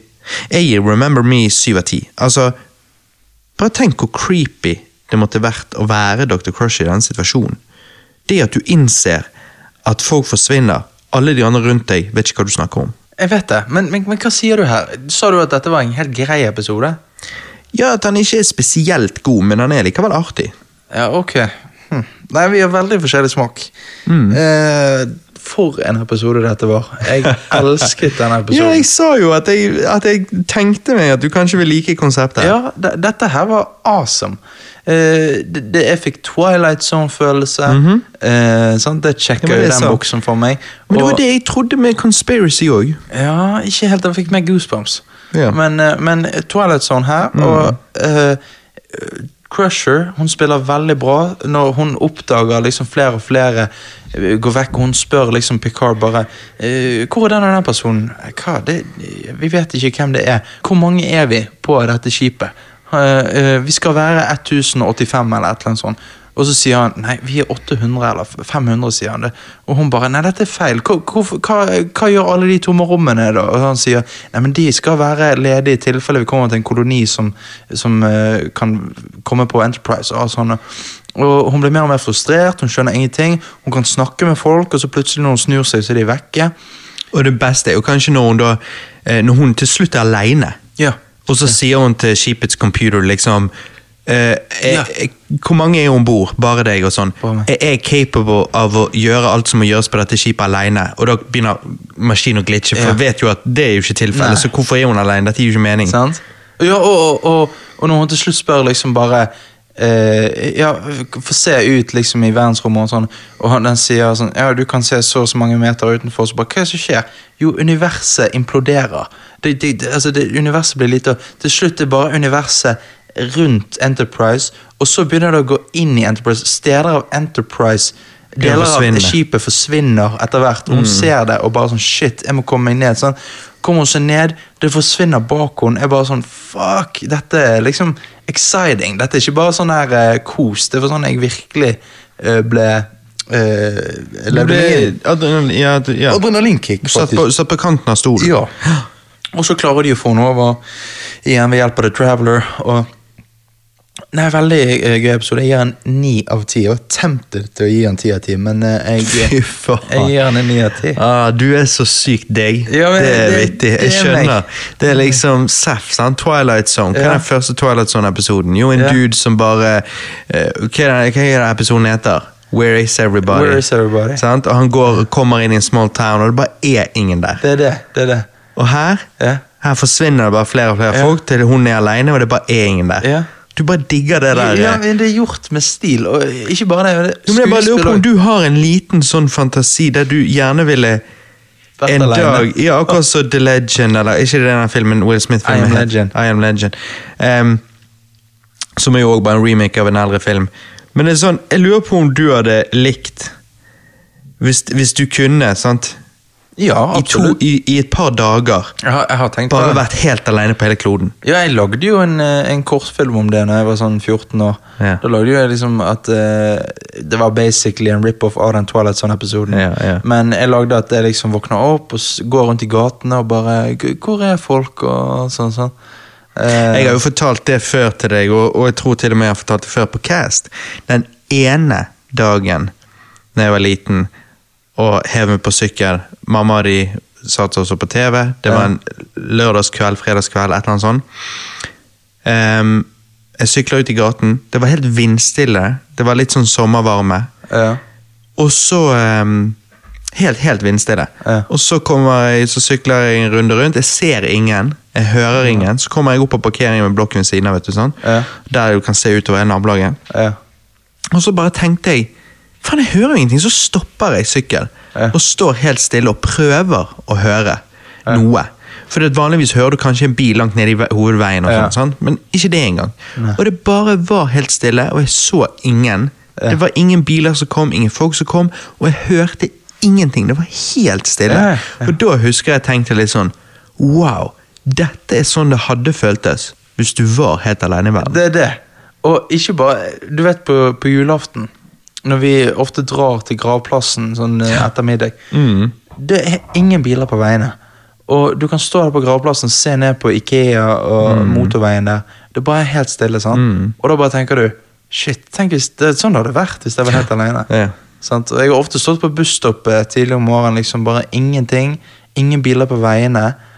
Og du bare føler sånn Oi, dette er sånn det hadde vært hvis, hvis det var helt alene. Sånn. Eh, Så det er noe med den tanken jeg liker, og det er sikkert er med på å gjøre at jeg gir Nå denne hørtes det ut som du kunne bare fortsatt å liste opp. Ja, så vet du, Ja. du bare sånn av og til, bare i skogen, og du bare sånn Wow! Dette er sikkert sånn det hadde vært, og vært helt alene. For nå bare begynte du å liste opp en Nei, nei, det kunne jeg faktisk. Det, det er ikke engang. Men, eh, men ja, så det er med på selvfølgelig å gjøre at jeg gir denne episoden 9 av 10. Ok, Så er dette den første episoden som har fått så høy score? Av meg, ja. Ja, jeg tror ikke jeg har gitt en nier ennå. Nei, ok, nei, da er det det. Så Remember Me i sesong fire, Yep. altså episode fem i sesong fire, det, det sier jeg fordi lytterne kan sjekke dette ut. At det, altså, fordi at Dette Star Trek The Next Generation er jo på Netflix. Det er på Netflix. Jeg gir jo han en syv av ti, så jeg syns jo han er mye ja. dårligere enn du gjør. Ja. Men, eh, men ja, interesting. Ja. Så har vi Future Imperfect. Riker må dra tidlig fra sin egen bursdagsfeiring for å lede et away-team ned til Alfa Onias 3, hvor de eh, mistenker å, eh, for å eh, ha bygget en hemmelig base. Når Riker og gjengen beamer ned på planeten, blir de kvelt av mengder med forskjellige gasser. Riker våkner opp i fremtiden og har ingen minner fra de siste 16 årene. Alt er annerledes. Ingenting er som han husker det. Ingenting er som det burde være. Hva skjedde? Vel, det skal jeg ikke spoile, fordi at denne episoden har en av de sykeste plot-twistene i hele franchiset. Altså, what the hell? Jeg så virkelig ikke den komme. Og så får vi en twist i twisten. Kanskje flere når jeg tenker meg om. Kommer an på hvordan du vektlegger hver twist. Nei, Star Trek blir ikke mer Twilight Zone enn dette her, og jeg elsker det. Som sagt, jeg, tenker vi gjør best å unngå spoilers, for eh, dette er virkelig en episode jeg anbefaler alle å se. Jeg gir Future Imperfect 9 av 10. Hva syns du om denne, Johannes? Ja, ok. Ja, nei, jeg gir han 7 av 10, men Syv 7 av 10? Ja, jeg, jeg følte What? ikke helt den eh, Twilight Zone-greien. Altså, jo, jo, han våkna opp, og så Sant, for Twist eksempel. på twist i tillegg til uh, siste Jo, jo. reveal er litt sånn små-cheesy. Ja, ja. Ja, han er litt cheesy. Men uh, jo, jeg eh, Det var en grei episode. Jeg liker det Data sier i begynnelsen. Han lurer på hvorfor mennesker feirer dagen av sin fødsel. Eh, en dag vi umulig kan huske, sier han. Sånn. Eh, det er litt sånn vittig. Um, og ja, altså, det er jo artig å se at sant, Riker liksom snakker med en sønn som han ikke har møtt før. Sant? Og, og sånn og, eh, Prøver å liksom bli kjent med han og sånn. Og, så det er en uh, god episode, men jeg vil ikke gitt den ni av ti. Shit, jeg digget den. Ja, ok. Ja. Det, dette er en av favorittepisodene mine. Wow. Ok. Ja. Nei, vittig. Syv av ti, det, var- det var lavt. Vi er veldig sånn usynkroniserte. Liksom, vi, Vi er veldig- synkronisert på én. ja, det er veldig vanskelig å vite, vite hva den andre liker og ikke liker. Mm. Ok, la oss gå videre til en annen karakter sin episode, da. Datas Day. Dette er jo da obviously en Data-episode. Data prøver å, å forstå de kompliserte følelsene menneskene rundt han opplever på en daglig basis.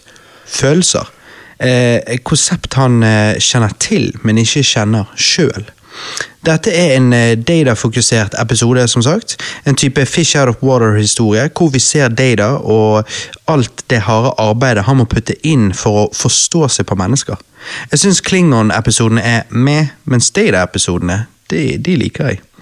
Det er fascinerende å se ting fra hans perspektiv, sånn som vi gjør her i denne episoden, for det må være ganske sprøtt å være en android omringet av mennesker, og det er kult å se Data virkelig prøve å forstå mennesker. Han er en nysgjerrig, Ja, det er det. nysgjerrig type. Ja. Veldig. Nei, jeg, jeg digger den episoden. Den er simpel, nesten litt slice of life, men eh, koselig og morsom. eh, Fascinerende likevel, liksom.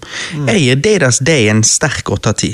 Eller kanskje svak ni av ti. Oi, Ja, kanskje svak ni av ti er best. Ja, ok. Ja, jeg jeg syns den var koselig og, og gøy, og sånn, men jeg ble ikke på en måte revet i sjelen. Så jeg, eh, jeg gir det bare en seks av ti. Men jeg syns det var Så når det kommer til The Traveler og, og, og eh, Remember Me, så blir du faktisk revet ja, i det, ja, sjelen. Der var det liksom sånn wow, dette er sykt gøy. Altså, men, Helsike. mens her er det litt sånn der eh, føler litt sånn sitcom-aktig. Sånn, eh, ja, Data skal Ja, det er forloveren. Ja, sant?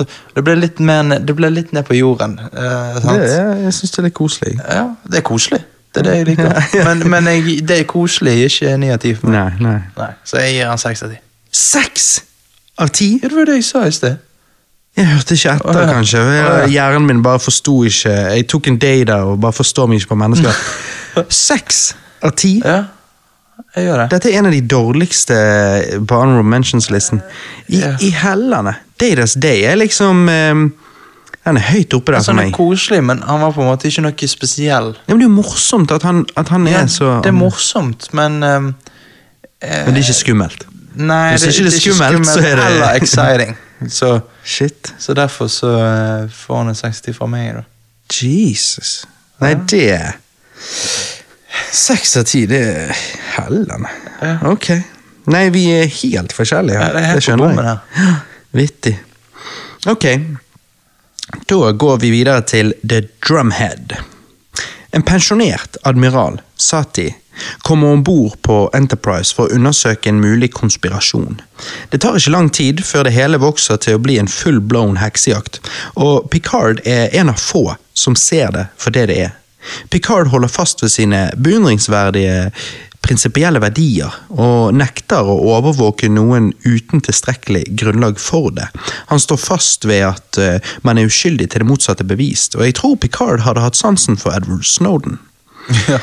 Til slutt får Picard satt en stopper for denne galskapen, men som Picard påpeker, det å være våken, både kritisk, men rasjonell, er prisen vi må betale for å ivareta et sivilisert samfunn. For det vil alltid finnes sånne som Sati, sånne som ligger og venter i skyggene, og som vil blomstre frem når muligheten byr seg, muligheten til å ødelegge den positive utviklingen andre har vært med på å skape. Istedenfor å være en episode om eh, denne ukens monster eh, Enterprise-mannskapet må fighte off, så handler dette om monsteret på innsiden. Sati hadde muligens gode intensjoner, men det hjelper fint lite når handlingene ikke er gode. Sati vil ofre frihet for sikkerhet ved å spre skremselspropaganda. Sati var ikke ute etter å løse en mulig konspirasjon, men ute etter å finne en, uansett om det ikke reelt var en konspirasjon der. Jeg elsker jo rettssaksepisoder. Jeg elsker når Picard er super level-headed, rasjonell og har is i magen. Jeg digger når vi får se hvorfor Starfleet-kapteiner er Starfleet-kapteiner. Akkurat som eh, når vi i den originale serien eh, fikk til tider eh, se Kirk sitt verdigrunnlag, så får vi se her nettopp hvorfor Picard dette er dette mannskapets leder. Dette er en av mine favorittepisoder. Pacingen kunne kanskje vært litt tightere, men historien er likevel eh, fantastisk. Jeg gir The Drumhead ni av ti, kanskje en svak ni av ti. Hva syns du om denne, Johannes? Jeg, jeg likte episoden veldig godt, og jeg ser hva du mener. Det var det jeg tenkte, at du ville elske denne episoden. Du liker jo court drama. Eh, og det, det var uh, minnet nesten litt om um, Om eh, episoden fra The Original Series, når Kirk blir eh, tatt inn. eh, Den her eh, der de ser tilbake på Captain Pike og sånn. sånn Rettsakepisoden der. Ja, og så har jo de en annen rettssaksepisode òg. De har vel to stykker i originale serien Ja. som er ganske gode. Ja, det, men det er veldig, veldig bra. Men um, det er akkurat dette med pacingen da, som gjør at for meg så trekker det ned. Mm. Men jeg er enig med at det er en god historie. Så jeg gir det en veldig sterk syv, kanskje svak åtte. Mm. Ja. Mm. For meg, da. Ja. Så verdt å se hvis man liker sånn courtroom shit. Absolutt. Da er han, eh, da er han høyt der Ja. oppe, si. Ok. Siste episoden av uh, sesong fire vi skal snakke om her i dag. Um, eller uh, Jo, det er vel kanskje det òg, men, men i hvert fall her på Honorable Mentions-listen. eh, er jo da In Theory. Enda en litt sånn slice of life eh, hvor en kvinne om bord Enterprise blir forelsket i Data, og han bestemmer seg for at eh, det romantiske forholdet fortjener en sjanse. Dette utarter seg naturligvis på en veldig spesiell måte, med tanke på at Data ikke kan oppleve menneskelige følelser. Dette er, det, det er veldig morsomt eh, det, det er liksom en morsom og interessant episode, men det er litt kjedelig B-plottet om en space storm og noe greier trekker en del ned, syns jeg. Likevel er dette en ganske artig og unik, unik Data-episode. Altså den delen av det. Så jeg gir In Theory syv av ti. Absolutt verdt å se om altså Spesielt hvis du er fan av Data, da. Sånn som meg, så, så må man se den. Hva syns du om denne? Ja, jeg, jeg eh, digget episoden. Eh, gir den syv av ti. eh, jeg bare Jeg syns det var veldig vittig når han skulle late som om han Altså, han hadde fått liksom plukket opp på litt sånn Ok, hun vil at jeg skal være mer sånn følelse Altså vise mer følelser og sånn. Så liksom uh, tar han og slenger henne ned i sofaen og bare Ok, baby, I will get you uh, some wine, eller noe. Og så gir han henne Og hun bare Dette føles litt fake, sant. Hun vil ha den ekte deg der. Og selvfølgelig er det fake. Hva skal han gjøre, Det liksom? er det, hva skal han gjøre? Så det- ja, nei, veldig gøy episode. Syv av ti. Ok. Hva ga du han? Nei, jeg- òg ga han syv av ti. Eh, men det var fordi at altså, For jeg syns Data-delen av episoden var, Ja, det- det var det verdt mer enn det. Det er det at det Ja. B-plottet drar det ned. Ja, det drar det ned. Jeg husket ikke engang hva det var. Nei. Så. nei. Ok, da er vi kommet til sesong fem. Her er jo det en snasen lady, så jeg uh, syns det er nice. Ok. Uh, denne episoden heter jo da Ensign Roe. Altså Fenrik Roe. Ja. Um, I denne episoden blir vi introdusert til, eh, til hun her Roe. Hun er hentet inn for å hjelpe Picard og de med å finne en gjeng eh, bajoranske terrorister. Men Roe, som sjøl er bajoraner, må først vinne mannskapets tillit, og seernes tillit, hvis det, hun skal bli som skal bli værende på Enterprise som en del av det faste mannskapet. Roe er en skikkelig ekkel bitch. Litt som en sur, forvokst ungdom. En utrolig irriterende karakter. Yep. Men etter hvert som vi lærer mer om hun, etter hvert som hun tar riktige valg og vinner tilliten vår, så blir hun og eh, episoden mer interessant. Denne episoden har mye double crossing i seg, noe som alltid er spennende. Så historien er gøy, samtidig som eh, Fenrik Rose karakterutvikling er interessant. Jeg liker karakterutvikling, for det er noe jeg tenker du må Altså det, det er så typisk i TV at det ikke er så mye av, så jeg syns det er veldig kjekt å se. Eh, jeg gikk liksom fra misliker hun sterkt til å tenke Ok, ok, jeg er villig til å gi deg en sjanse. Ja. På samme, måten, samme måte som at Picard er villig til å gi henne en sjanse på slutten av episoden. Ja. Jeg gir Ensign Roe en ganske solid åtte av ti, altså. Ok, ok. Ja, for jeg, jeg tenkte det samme. Jeg var, jeg var sånn uh, For en bitch. Altså, nå sitter seg ned i, i kafeteriaen, sant, og hun uh, Guinan Hun som uh, spiller Whoopi Goldberg. Ja. uh, hun, kommer, ja, hun kommer jo bort sant, og, og liksom Kan jeg sitte med den her? Og sånn, hun bare Ja, du egentlig forstyrrer meg litt, og alt sånt. Og så, Nei, du er ikke forstyrret, sier hun. Eller liksom, eh, så sier hun jo, hva, mener du?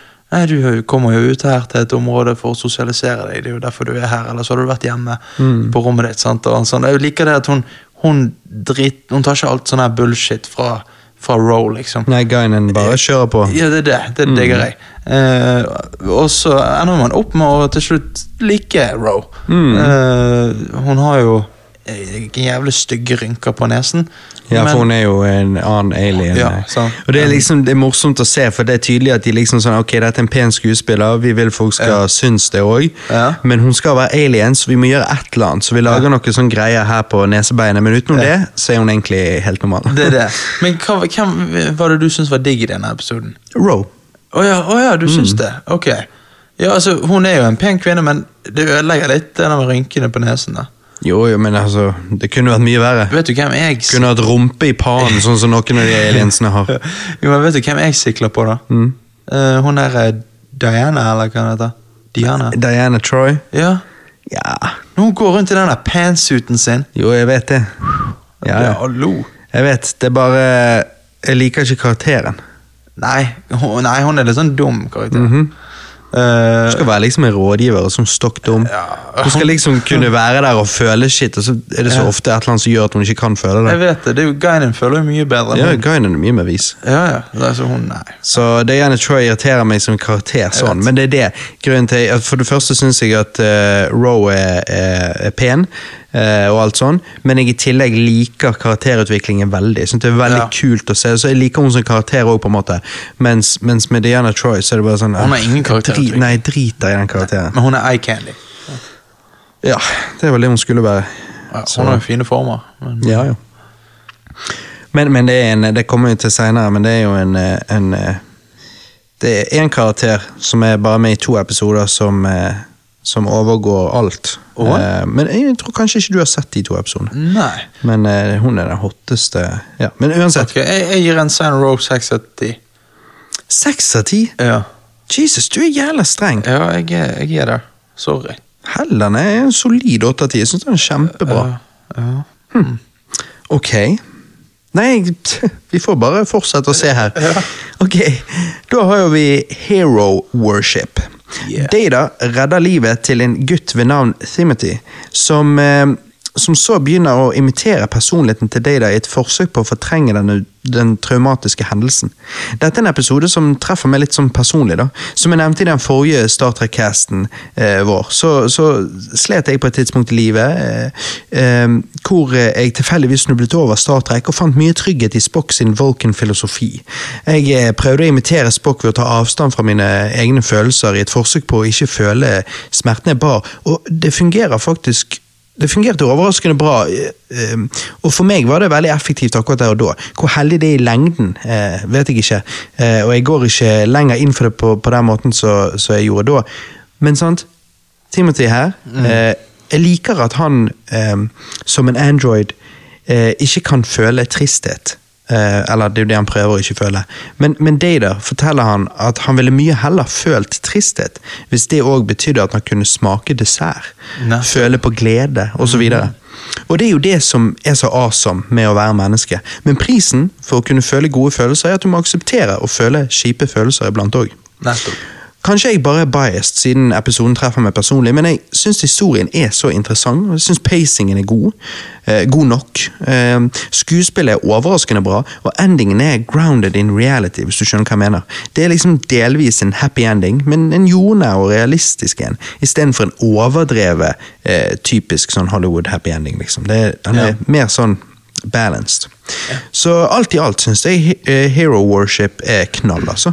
Jeg gir denne episoden en sterk åtte av ti. Jepp. Sterk åtte av ti.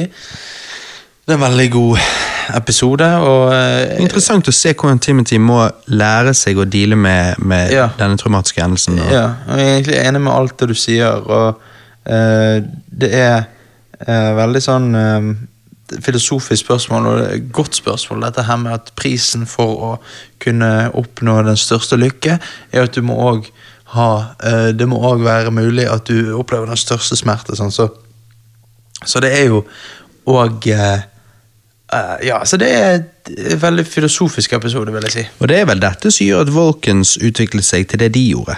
For de ville Ja. unngå det, og det ville hele tiden være rasjonell og logisk. Det er det. det, er det. Ok, så har vi en, en artig episode. Um, The First Duty. Nova Squadron, uh, flygelaget Wesley Crusher er en del av, har en ulykke utenfor Saturn. Men uh, det er noe som ikke stemmer med denne ulykken. Litt etter litt utfolder mysteriet seg, og det er utrolig spennende å se. Altså Wesley er jo nå på um, Starfleet Academy, eh, sant? det må jo sies. Ja. Og det er derfor han er med i dette flygelaget og sånn og sånn. Eh, Kaptein Picard tilbyr seg å hjelpe til med å etterforske for å finne ut hva som skjedde. Og selvfølgelig klarer Picard ved hjelp av, eh, av de andre å, å, å finne sannheten. Nå er det opp til Wesley å gjøre det som er riktig. Skal han fortelle sannheten, eller skal han redde seg sjøl og resten av Noah Squadron-medlemmene? Jeg syns en sånn episode som dette, satt midt i Starfleet-akademiet, er et skikkelig breath of fresh air. Du utvider liksom Star Trek-universet mye mer eh, enn når vi bare er på Enterprise. Um, siden vi blir vist så mye av Starfleet-akademiet, får du veldig denne følelsen av at det hadde vært awesome eh, og godt deg sjøl. Jeg synes det, Ja. det virker som et kul, kul eh, akademi å gå på. Det gjør det. Eh, nå skal jo de faktisk lage en egen Star Trek-serie om Starfleet-akademiet, men moderne Star Trek er jo drit, så jeg krysser fingrene eh, og håper natur naturligvis, men det er det, Det- føles ganske meningsløst. Ja. Så jeg kunne ønske vi fikk en serie på Starfleet-akademiet på 90-tallet, når de lagde alle disse gode Star Trek-seriene. Det hadde vært awesome. Ja. Ok, eh, nei, det, episoden. Episoden kunne vært bedre, men jeg syns uten tvil at uh, den er mer enn god nok. Jeg syns The, The First Duty er en veldig gøy episode. Jeg gir den en solid åtte av ti, altså. Nei, jeg beklager, Robert. Jeg uh, gir den fem av ti. Fem av ti! Jeg, jeg, likte ikke den Her får vi endelig være et annet sted enn bare på Enterprise. Ja, men det er liksom Jeg vet ikke. Det er sånn Jo, det er god dialog her og der med liksom dette her med at ja, men, det- det- det- Skal du snitche på oss? Ja, nei, men jeg må fortelle sannheten. Ja, men du kan fortelle sannheten, men ikke uh, legg noe skyld på oss og sånn. Det, det er bra, men det er veldig treigt, syns jeg, og veldig mye jobb og Ja, det er courtroom-drama igjen. ja, ja, men jeg er ikke der. Jeg digger courtroom-drama. Ok. Da vi- Courtroom-drama. Faen, det er vanskelig å si. Det er vanskelig å si. uh, jeg, er, jeg er ikke der. Men fem av ti, det, det er faen meg objektivt feil. Altså, Jesus. Jeg synes denne det, For å være grenser. Det, Kanskje den verste episoden Å, fytti! Nei. jeg så. Å, hellene. Jeg var sånn, jeg var sånn Wow, dette er gale. Å, hellene! Jeg satt og tenkte wow, dette er sykt bra. Fy faen. Det er litt sykt at vi kan ha så forskjellige Ja, det er det. Det er det. Altså, du må bare ha skrekk, du. Skrekk eller dritsimpel episode som bare får en til å tenke over hvor stort universet er. nei, ja, ja, kanskje. Ok. Du det må- neste er jeg jævlig spent på. Ja. Dette er jo, uh, dette er jo da iBorg. Eh, jeg vet ikke om det er en Apple-produsert Borg. Nei. Introducing the iBorg. Ja. Nei, det er I, Borg, som i meg, the Borg.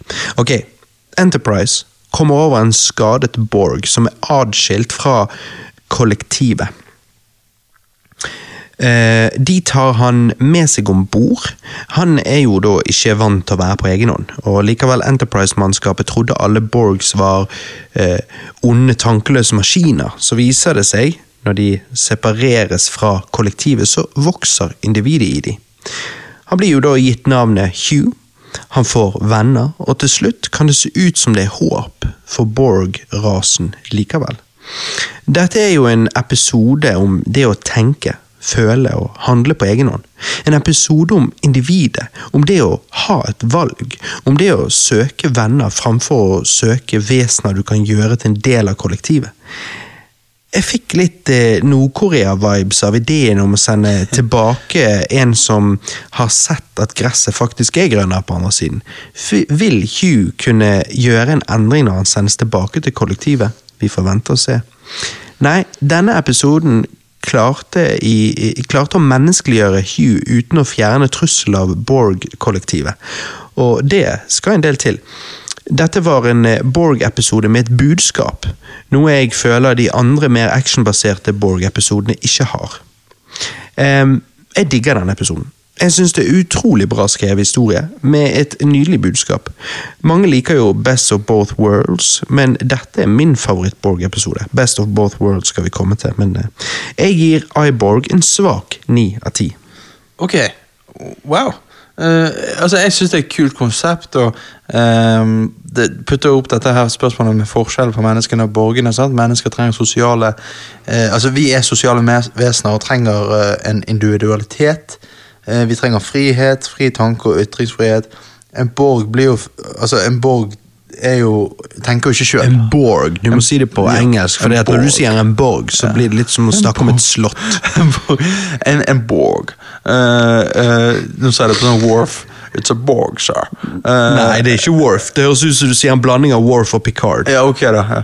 It's a borg, sir. Eller, nei, nei, Nei, nei. det er jo Sean Connery. Kom han plutselig inn på Star Trek The Next Generation? It's a borg. Det, det, det er Wharf. Eh, Uansett Nei. Han Jeg har jo ikke den penengelsken du putter inn i der. Sir, it, uh, sir, it's a borg. It's a borg now. Eh, Jeg har faktisk prøvd å snakke litt uh, Wharf. Uh, Du mener klingons? Ja, eh, ja men uh, spes spesifikt uh, eh, er sånn han snakker Hjemme i engelsk. heimen, da, eh, til damen min. For det er jo litt sexy når han snakker, for det er jo veldig dyp stemme. sånn. Eh, men det faller jo ikke alltid eh, gjennom. Men uansett, eh, jeg, jeg syns denne Hva er hennes favorittkarakter? Uh, hun, er Data. Da må du være med deg, da. da. Jo, jo, jo, men Jeg føler ingenting. But I shall hump you anyway. Da blir jeg i sånn utvasket T-skjorte, så føler jeg ingenting. Ja, ja. Men um, Du vil heller være aggressiv, eh, Klingan? Ja, ja, heller det. Mm. Uh, nei, men det, det er en god episode. Jeg gir den en sterk syv av ti. Helvete! Jo, jo, men, jo, men det Ingen Nei, nå Da hørte jeg du ble irritert. Nå må jeg knekke meg en øl. For det at det Det gir ingen mening. Altså, min topp ti og din topp ti kommer til å være helt, Helt forskjellig. forskjellig. Det, det, det, det ser ut som du liksom spiller et eller annet, så får ikke du det til. Du er bare sånn Helvete! Faen! Er ikke du enig med meg, Johannes? Jo, men Iborg er jo så bra. Q er jo så konge. Jo, jo. Hugh er bra. Han er bra. Det er så kult å se. Ja. Igjen, vet du hva jeg skjønner jeg liker? Akkurat som med Ensign Row-episoden, og så er du denne Iborg-episoden. Hva da? Karakterutvikling. Jeg liker karakterutvikling. Du vil ha mindless horror shit. Jeg vet ikke, På en spilletid på 45 minutter så klarer ikke jeg å bry meg nok om Hugh til at jeg bryr meg om karakterutvikling, bro. Jo da, jo du har rett. Men, men Det er fascinerende uansett om du får tid til å bry deg om karakteren. Det er jo uansett på en måte kult å se. Ja, Var det bare meg, eller var det litt sånn dement eh, tema her? Å være dement? Hvorfor det? Nei, eh, liksom dette her at han glemmer litt dette med borgene. og At han blir mer sånn individual. Nei, nei, det har jo med å gjøre Det, det er jo på en måte med individet versus gruppementalitet. Ja, ja, sant? ja, akkurat det er jo veldig bra. Det er jo ikke dement. Nei, ok, ja. Men Du um, tenker at folk som blir dement, de blir mer eh, individualistiske Nei, det var vel bare at han Nei. At han var jo på en måte bad seed, da. I, Ja, han er jo ja. sant? Men så, til slutt Han ble jo levert tilbake igjen, så det er jo litt sånn sad ending, egentlig. ja ja, vi får nå se hva endingen blir. Ja, ja. I, eh, er det i Wink, Descent? wink. Ja. Der vi òg får en eh, avrunding av historien med Data og Law. Yep. Teaser. Ok. The next phase. Når Enterprise svarer på et nødanrop som kommer fra, eh, fra et Romulan-skip, forsvinner Ensign Rowe og Jodie LaForge i en transporter transporter-ulykke. De våkner opp på Enterprise, men ingen kan se dem. De kan gå gjennom vegger og mennesker. De har basically blitt spøkelser. Fenrik Roe er overbevist om at de er døde, men LaForge nekter å akseptere den hypotesen. Jeg syns dette er en veldig gøy og spennende episode, og eh, Roe vant meg virkelig over i denne episoden. Hvor hun på en måte i den forrige slutten av forrige så var det sånn Ja, jeg kan, eh, jeg kan gi deg en sjanse. Nå var det sånn. Jeg bare, ok, jeg liker dette. her. Hun hadde liksom en så god character arc, og nei, det fikk meg til å innse at hun faktisk er legit snasen, altså. Mm -hmm. um, dette var for meg en litt sånn Star Trek slash Twilight Zone-episode. Et spennende mysterie med høye stakes. Altså, det sto jo på liv og død her, liksom. Det gjorde det. Jeg gir The Next Phase en svak ni av ti. Her er vi in sync, Robert. Endelig. Ja, jeg gir deg ni av ti. Her fordi at du får ditt. Og det er sånn, ah, Twilight ah, litt sånn skrekk. Mens jeg får dybde, karakterutvikling. Ja, Så da er vi begge fornøyd. Best of both worlds. Ja, og, og, nettopp. eh, og det er dette her med at sant, ehm, Dette at du hele episoden går og tenker men hva skal de gjøre, da? hvordan skal de komme tilbake igjen? Og, du, du vet at de vet informasjon som de vil at andre skal vite, men de får ikke kommunisert det fordi at de andre kan ikke høre det eller se det. Og um, det er en liten sånn greie her med at uh, en annen sånn der um, Romulan uh, tydeligvis kan høre det, ja, og han går etter de, og de løper vekk. Han kan fra se de. Ja, kan de. Akkurat det var litt sånn, jeg vet ikke. Jo, han òg er faced. Sånn jo, jo da, jeg vet det, men de bare løper jo vekk fra han, og så havner han ute i space. Et eller annet sånt. Mm. Uh, men uh, ellers, på slutten, jeg fikk chills. Når de står der, mm. Mhm. og de liksom de, har arrangert et slags party Mm. uh, for å på en måte feire at de er døde. Og så Feire at de er døde? Ja, det er jo på en måte det det. Altså, skal ikke du feire på et party? Det er et party han har satt opp, men det var litt rart, for det skulle jo være en begravelse. Skulle ikke, eller minnestund. Minnestund. Ja, men i hvert fall så, så er de der, og så, og så skjønner de at ah, med sånn der eh, neural transmitter-greie, så kunne de eh, altså, bryte gjennom sånn partikkelgreie som gjorde at de kunne se de litt. sånn. Så Ja. hører de de, og liksom Data sier ah, kanskje de er Og så liksom klarer de å komme tilbake. Mm. Og jeg fikk chills, fordi at um, um, LaForge gir en uh, ordre med en gang. sant? Uh, han kommer tilbake, uh, og så liksom spør de Who gave that order? Sant? Og så liksom sier LaForge. Og sånn, sånn. Hvem var det som sa dette? Uh, nei, LaForge LaForge. med en gang han kommer tilbake. Jo, men hvem er det som sier det er, en, Er det Picard som spør hvem ga den ordren? nei, nei. nei. Han gir, LaForge gir med en gang en beskjed til The Bridge om et eller annet yeah. sånt. Og så liksom spør de på Bridge Ja, hvem er de? Nei, det er en eller annen på The Bridge. Bridge. okay. Så spør de Picard Who gave that order? Og så sier han LaForge og sånn, sant. Og så Ja, Så det var Picard som svarte? Ja da, ja da. Ja, ok. Det var det jeg lurte på. Ja, ja. Så det, det er awesome. Men jeg digger du gjør Picard til uh, Sean Connery. La Forge. Gjør jeg det? La Forge I love me some passé. jo, men det er jo litt sånn. Ja, det er bare ikke helt sånn. It's LaForge. Yes, Porsche. Nei, ja, det er den. Den er sj. Det gjør ikke Picard. Nei, okay. Nei. Nei, men ok, Hva sa du? Så du ga han En Eh, Ni av ti. En sterk ni av ti. en sterk ni av ti? Oh yes. Nice. Jeg ga han en svak ni av ti, men det, det er bra. Ja. Okidoki. Artichoke. Herregud. Så glad å bli mer uh, teit. Nei, men ok. Da er vi kommet til den siste episoden av uh, sesong fem og første episoden av sesong seks. For det, dette er en dobbeltepisode. Times Arrow parts 1 og 2. Episoden Der drakk du med en sånn boblelyd som gjorde at det hørtes litt ut som en sånn eh, Predator. ja, faktisk. Episoden starter med at Enterprise blir kalt tilbake til jorden. Det er funnet bevis på at romvesener besøkte planeten på slutten av 1800-tallet. Blant gjenstandene arkeologene har kommet over, er Datas head. Altså Datas hode. Yeah. Jeg, ba, jeg bare skulle gjøre det som Trader Voice. Ok. Uh, nå må Picard og gjengen prøve å løse dette mysteriet. Spørsmålet blir, kan de lure skjebnen? Kan de reise i tid og stoppe Data fra å dø? Who the fuck knows? det sier de eh, rett før de går til reklame. Ja, Så snur Picard seg, og så svarer han på de spørsmålene med Who the fuck knows? Ja. eller, eller hvordan ville Picard sagt det? Who the fuck knows? Nei, nei. Det er sånn Sean Connery ville sagt Nei, nei, det i en sånn, Star Trek-parodi. Who the fuck knows? Det er sånn han har sagt det. Ah, ja, ok. Ja, kanskje. Eh, selve begynnelsen kan være litt forvirrende, men når Data havner tilbake på 1800-tallet, gir seg ut for å være en franskmann og tømmer eh, folks lommer i poker, så blir, eh, blir du fort sugd inn i historien, liksom. Ja. Eller jeg ble i hvert fall det. Ja, okay. Så med mange Data-eventyr, så er denne episoden en klassisk fish out of water-historie. Men eh, det som gjør historien enda morsommere, syns jeg personlig, da, er at ehm, at han er satt i Ville Vesten. Jeg er jo en stor fan av den perioden, og det å se Data vandre rundt i den settingen er veldig artig.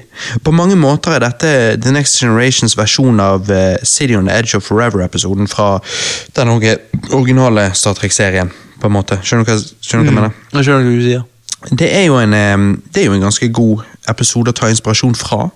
Jeg får òg Back to the Future 3-vibes eh, med denne tidsreisehistorien satt på 1800-tallet. Times Arrow er en ganske episk historie og føles nesten som en Star Trek TV-film. Det er jo tross alt en dobbeltepisode. I part to reiser Picard og gjengen etter Data til 1800-tallet for å få han tilbake. De finner ut at eh, romvesenet eh, Romvesenene hvordan, hvordan skal man si det når man sier flere romvesener? Romvesenene. Nei, romvesenene. Okay. Det er bare to nede.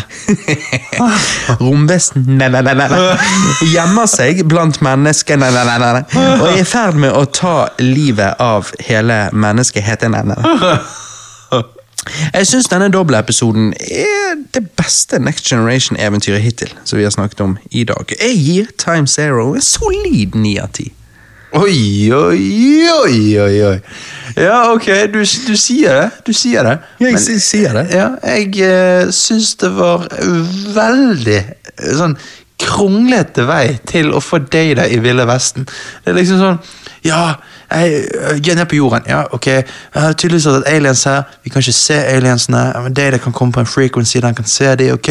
Fuck, det er en time portal her. Jeg blir dratt, dratt inn i den, havner der. Så det er bare sånn Hva som skjer? Hva? De skulle nesten kanskje gjort City on the Edge of Forever-stil med at de bare kommer ned på en planet, ser en time portal og bare hopper gjennom den. ja, det hadde vært kulere, men, men selvfølgelig. Og, og så når det er det jeg ville Vesten, da begynner jeg å sånn, ok, dette er kult. Sånn. Og han begynner å snakke med han her uh, hench, nei, han, han som jobber på hotellet der og sånn. Og så er det kult å se Guinen her, for Guinan Guinen er jo Ja. hun eh, bartenderen på Enterprise. Hun er jo mye, mye mye eldre enn man tror. Hun er jo ikke et menneske. Likevel hun ser sånn ut, Ja. så det er jo litt weird, men, men hun er mye eldre enn man tror. Og her får du se at hun var på jorden. Ja, eh, hun er jo ikke et menneske, hun er jo en eh, Hun er jo afroamerikaner. Uh, så hun er, Så hun er ikke et menneske. Oi, oi, oi. Nei, nei, nei, men, men, Det var en dryg vits. Ja, men hun er jo Ja, hun er uh, Men når han er gamle mannen som går rundt og filosoferer Mark Twain. Ja. Mark Twain? Mm. Ok. For jeg, jeg lurte på Er det Picard som spiller han, med mye prosthetics? Men, for han har litt, litt sånn lik stemme. Ja, nei, det, det tror jeg ikke det. Ok, ok. Ja. Nei, Men ja, kult det skal jo være den ekte personen Mark Twain, liksom. Ok, ok, nice.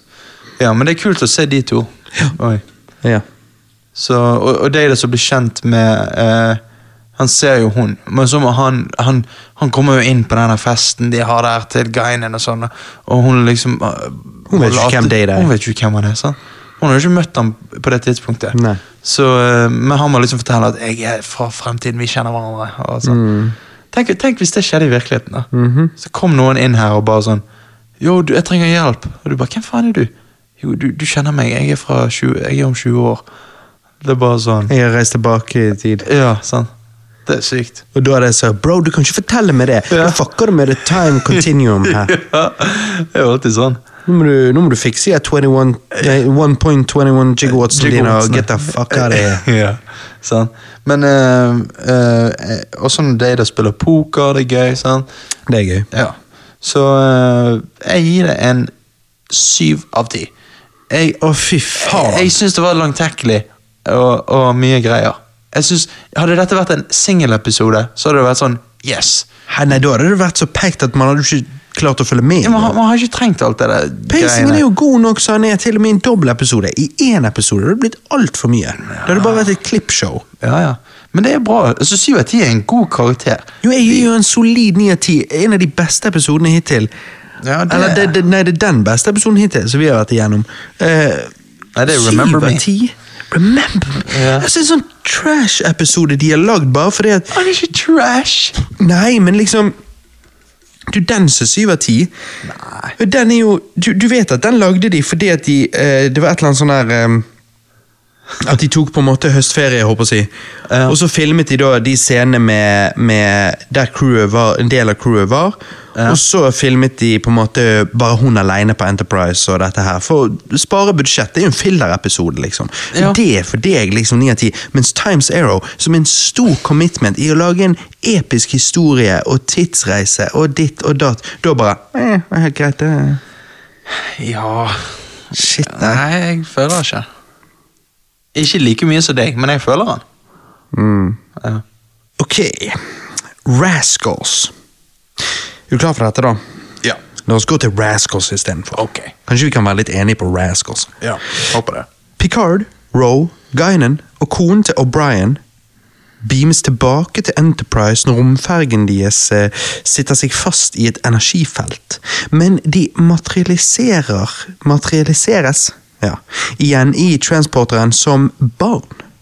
Det er jo litt awkward, siden konen til O'Brien eh, Det er jo litt awkward med konen til O'Brien, siden hun eh, ser ut som uh, hun er tolv, mens han er godt voksen mann. Ops! Ops! Ai, ai, ai. Ai, ai, ai. Ehm, mentalt er de seg sjøl, men eh, de ser ut som barn.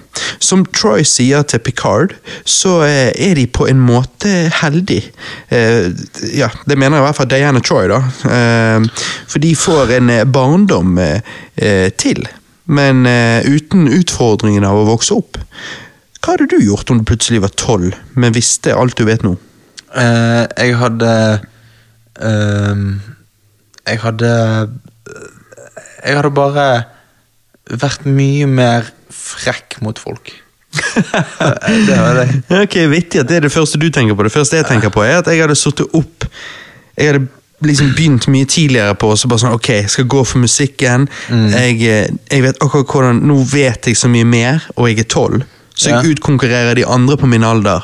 Ja, bare okay, der. ja. Og så hadde jeg bare sittet så jævla opp den karrieren og så bare kjørt på fra så ung alder. Okay, du For da ville vil jo jeg anta at du hadde Ja, jeg hadde gjort noe positivt, du hadde gått rundt og du vært hadde hatt growth, jeg hadde bare hadde vært arrogant bastard. Det. Ja, arrogant bastard. Bare, for jeg hadde visst at andre tør ikke å gjøre Andre tør ikke å slå meg. Så derfor så hadde jeg bare Andre tør ikke å slå deg. Nei, men sant Når, når du er kid, så tenker du sånn Åh, sant? de, De er store og tøffe, men så, så vokser du opp, og så ser du Åh, de er jo bare små shitkids, hele gjengen. sant? Jo, det er jo sant, men nå er du en liten shitkid med mye mer kunnskap. Jo, jo, men Så blir du, da blir du det ultimate shitkid. ja, Jo, men eh, du hadde visst at eh, de kan ikke gjøre noe. Sant? Det var jo det du tenkte med at du, når du var frekk mot voksne da du var liten, så tenkte du men du kan ikke slå meg. Sant? Så det, Ja, ja, det er jo fordi jeg hadde autoritetsproblemer. Nettopp. Det er jo fordi at jeg ble plutselig tolv, men jeg visste alt jeg Ja. vet nå. Ja, ja. Det var det som skjedde med meg. skjønner. Så jeg gjør dette for andre gang. Det var det Jeg har allerede vært voksen før. Nettopp. så. Nei, det er jo en litt goofy episode. En litt sånn Home Alone møter Star Trek. Men det, det er jo gøy. Jeg, jeg tror eh, den er spesielt artig for kids. Skal du liksom introdusere ungene dine til Star Trek, så eh, Altså old school Star Trek For du burde ikke introdusere dem til new school Star Trek. Eller New Trek, som, new Trek, som det nå er- heter. Men ja, skulle du, skulle du introdusert ungene dine til old school Star Trek, så tror jeg dette er den perfekte episoden å begynne med. Er ikke du enig i det? Absolutt. Absolutt. Jeg gir Rascals en svak 8 av 10. Han er ikke amazing eller noe, men han er good times. Nei, og det er akkurat derfor jeg gir han 6 av 10, fordi han er ikke amazing eller noe. Så derfor så, så gir jeg Det er jo good times. Ja, jeg vet det. Det er derfor han er bedre enn average. Altså, jeg føler skalaen din, Robert, der er liksom 5 av 10. Du, kan like gjerne si at han var dødsdrit. Han er ikke dødsdrit hvis Nei, han er fem av ti. 10. 5 av 10, da er han like drit som han har plusser. Nettopp. Like mye minuser som han har plusser. Den, er jo ikke, den har jo ikke masse minuser. Den er jo bare, Han er ikke amazing eller noe, men av det han er, så er jo han knall. Ja, ok, da. Tenker jeg. Ja. Ok. Nei, men det er greit. Det er greit, det. Vi får gå videre til Frame of Mind. Oh yeah! Riker begynner å stille spørsmål ved virkeligheten. Han befinner seg på et eh, mentalt sykehus, og livet hans på Enterprise ser ut til å ha vært en eneste stor vrangforestilling. Denne episoden er så mindfuck at likevel vi vet bedre, likevel vi vet at Rikers egentlige virkelighet er om bord Enterprise, så begynner jo man sjøl å tvile. Tvile til det siste øyeblikk. Altså, det blir ikke mer Inception enn dette. Til slutt er det nesten ridiculous. Ja.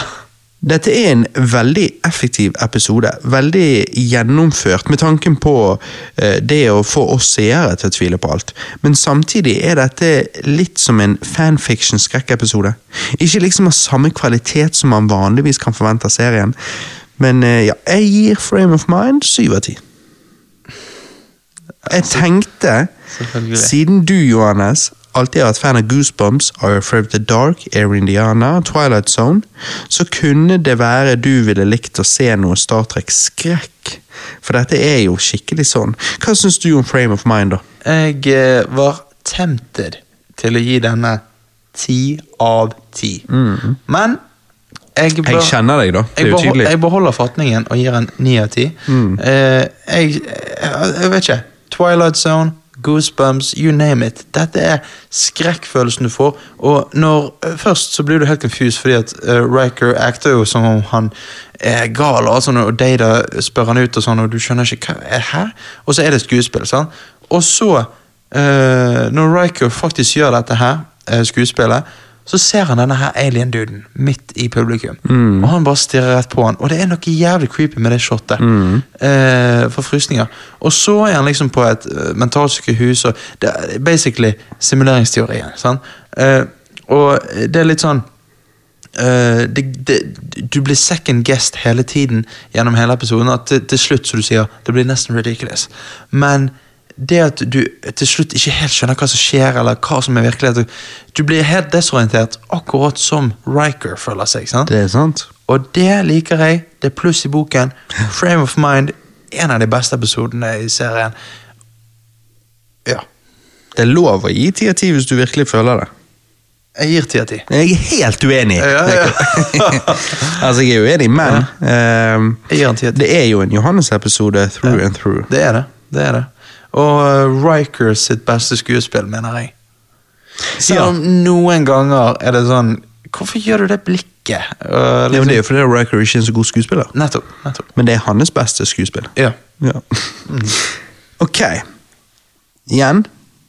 Det er jo ofte sånn at de har dobbeltepisoder som en sesongavslutning og en sesongbegynnelse, så nå er vi da òg på siste episoden av sesong seks og første episoden av sesong syv. Descent, part én og to. Dette er en dobbeltepisode oppfølger til Iborg-episoden. Du vet den episoden om Borgen Hugh. Men ikke bare det, dette er òg en oppfølger til disse tidligere Law-episodene. Du vet Law, broren til Data? Mm -hmm. Episoden åpner med at Data spiller poker sammen med Newton, Einstein og selveste Stephen Hawking. Som i at det faktisk er Stephen Hawking som spiller seg sjøl her i denne holodeck-simuleringen. Jeg vet. Det må være sykt fett å bli foreviget i Star Trek mens du lever, og bli satt opp der med Newton og Einstein, liksom. Ja, ja. For en ære, liksom. Under et møte med Borgsene opplever Data å kjenne på egne følelser for første gang når han blir sint. Data klarer ikke å gjenskape denne følelsen, men en Borg tilbyr Data å bli med han, lover han muligheten til å føle igjen. Data gir seg over, men hvorfor? Vel, gjett hvem som står bak. Law. Denne gangen en full-on Hitler-law, som har frigjort Borgsene og skal med deres hjelp utslette alt biologisk liv, for kunstig liv er fremtiden, sier han.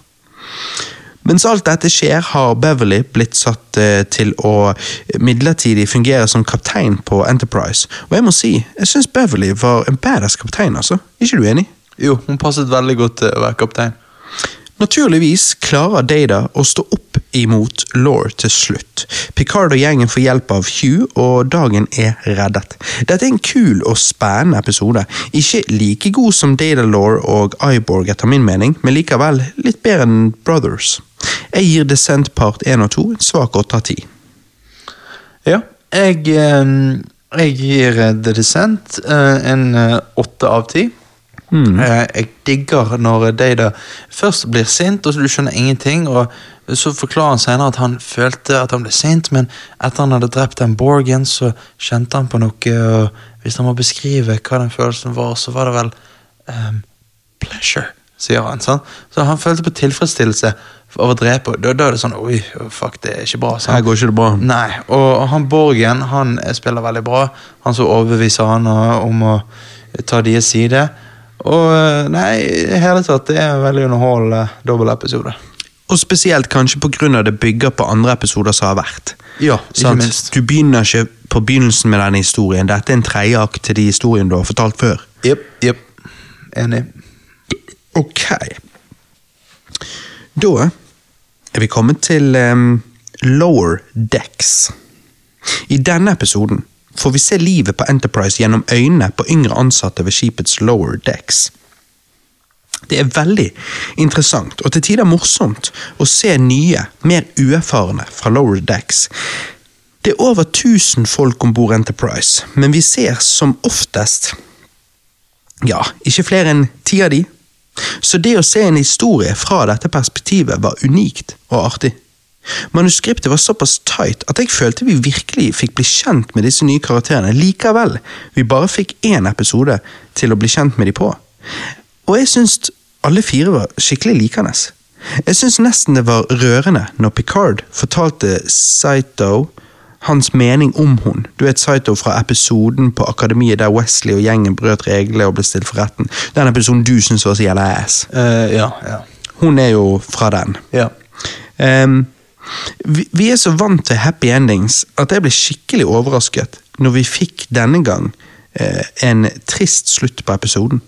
Det var like før tårene kom. i engang. Oh, wow. Jeg syns denne episoden er helt fantastisk. Dette er en av favorittepisodene mine. Jeg gir Lower Decks 9 av 10. Det er nesten så jeg ville gitt den 10 av 10, faktisk. Det at en ny og elendig animert Star Trek-serie nå bærer samme navnet som denne fantastiske episoden, er blasfemi.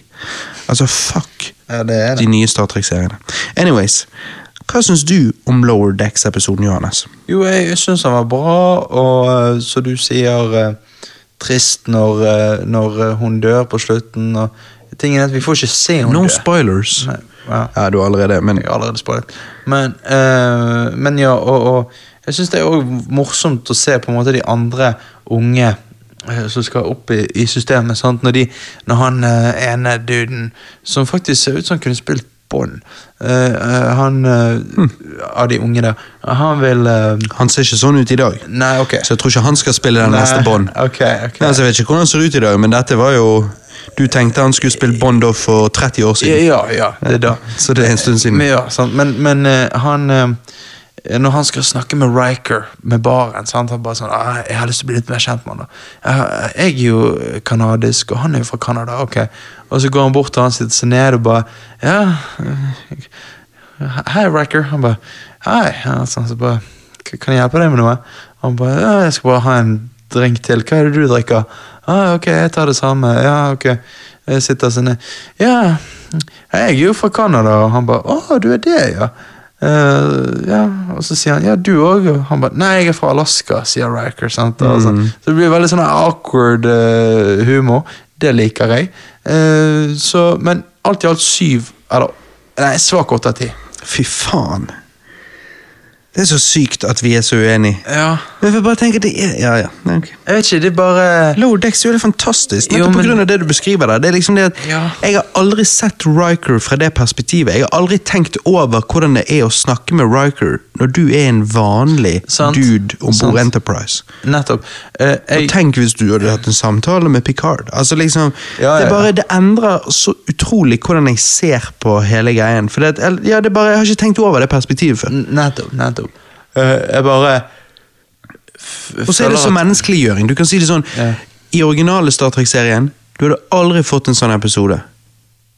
Nei. Eller altså Da hadde vært utført helt annerledes. Ja. Du ser litt, Dette er liksom sånn Det gjør det så realistisk, Mm, hele mm. greien. Det er sant. det er sant. Det gir så mye mer dybde til, til serien, og til Enterprise som et skip og mannskapet der. også ja. Mm. Ja, men det er ikke nok til å få den opp fra en svak åtte av ti, eller sterk 7. Mm. For meg. Men så hadde det vært noe Hadde, hadde crazy liksom, shit. Riker satt der på baren, og så plutselig bare Jeg i et mentalt sykehus, eller hva? Du bare Å, fy faen, nå snakker vi! Mer sånn. Plutselig var de i Canada, og han bare Hei, jeg er ikke herfra. What? I gotta get back to Alaska. Ja. Du bare shit, spennende. Snøstorm og alt. Ja, ja, ja. Er dette en illusjon eller ikke? Ja, sant. Hva skjer? Liksom? Nei, ok, det er greit, det er greit. Neste episode, Thin Own Self. Data sendes ut for å følge en eh, sonde som har kommet ut av kurs og har krasjlandet på en primitiv planet. Men så krasjer han der sjøl og mister hukommelsen. Dette er jo eh, enda en Fish Out of Water Data-episode, surprise. Men enda mer Fish Out of Water her, med tanken på at Data har faktisk mistet hukommelsen. Data hadde med seg eh, noe radioaktivt. Alle i landsbyen blir syk, de skylder på han, han finner en kur, men ingen i landsbyen tror han, så de dreper han idet han heller kuren i vannforsyningene deres og redder de alle sammen. Heldigvis finner Enterprise Data og fikser han opp igjen. En simpel, men likevel god historie, altså. Jeg gir Thin Own Self en svak åtte av ti. Vel verdt Data-episode å se hvis du liker karakteren. Jeg òg gir han åtte av ti. Jeg bare eh, likte ikke helt episoden på grunn av at jeg syns han var litt eh, skummel sånn på ekte. Eh, fordi at eh, dette med radioaktivitet og kreft og sånn, det fucker med hodet mitt. Det, det liker jeg ikke. Så Ja. det ble jeg faktisk litt sånn lei meg òg mens jeg så, så episoden. Ja, eller redd, som Eller det redd, heter. Ja, basically redd. Eh, Så jeg var litt sånn der, fuck, det var ukomfortabelt. Men eh, ellers så er jo det en veldig god episode. Mm. Og det er vittig med hun der eh, hva skal man si, læreren. Hun, er- hun er eldre damen. Så liksom Mm. Lærerinnen. Ja, lærerinnen. Hun skal lære barna vitenskap og sånn. Mm. Men hun forholder seg kun til ting hun kan observere med øyet. sant? Mm. Sånn, så det, det er interessant eh, hvordan de tenkte før i tiden.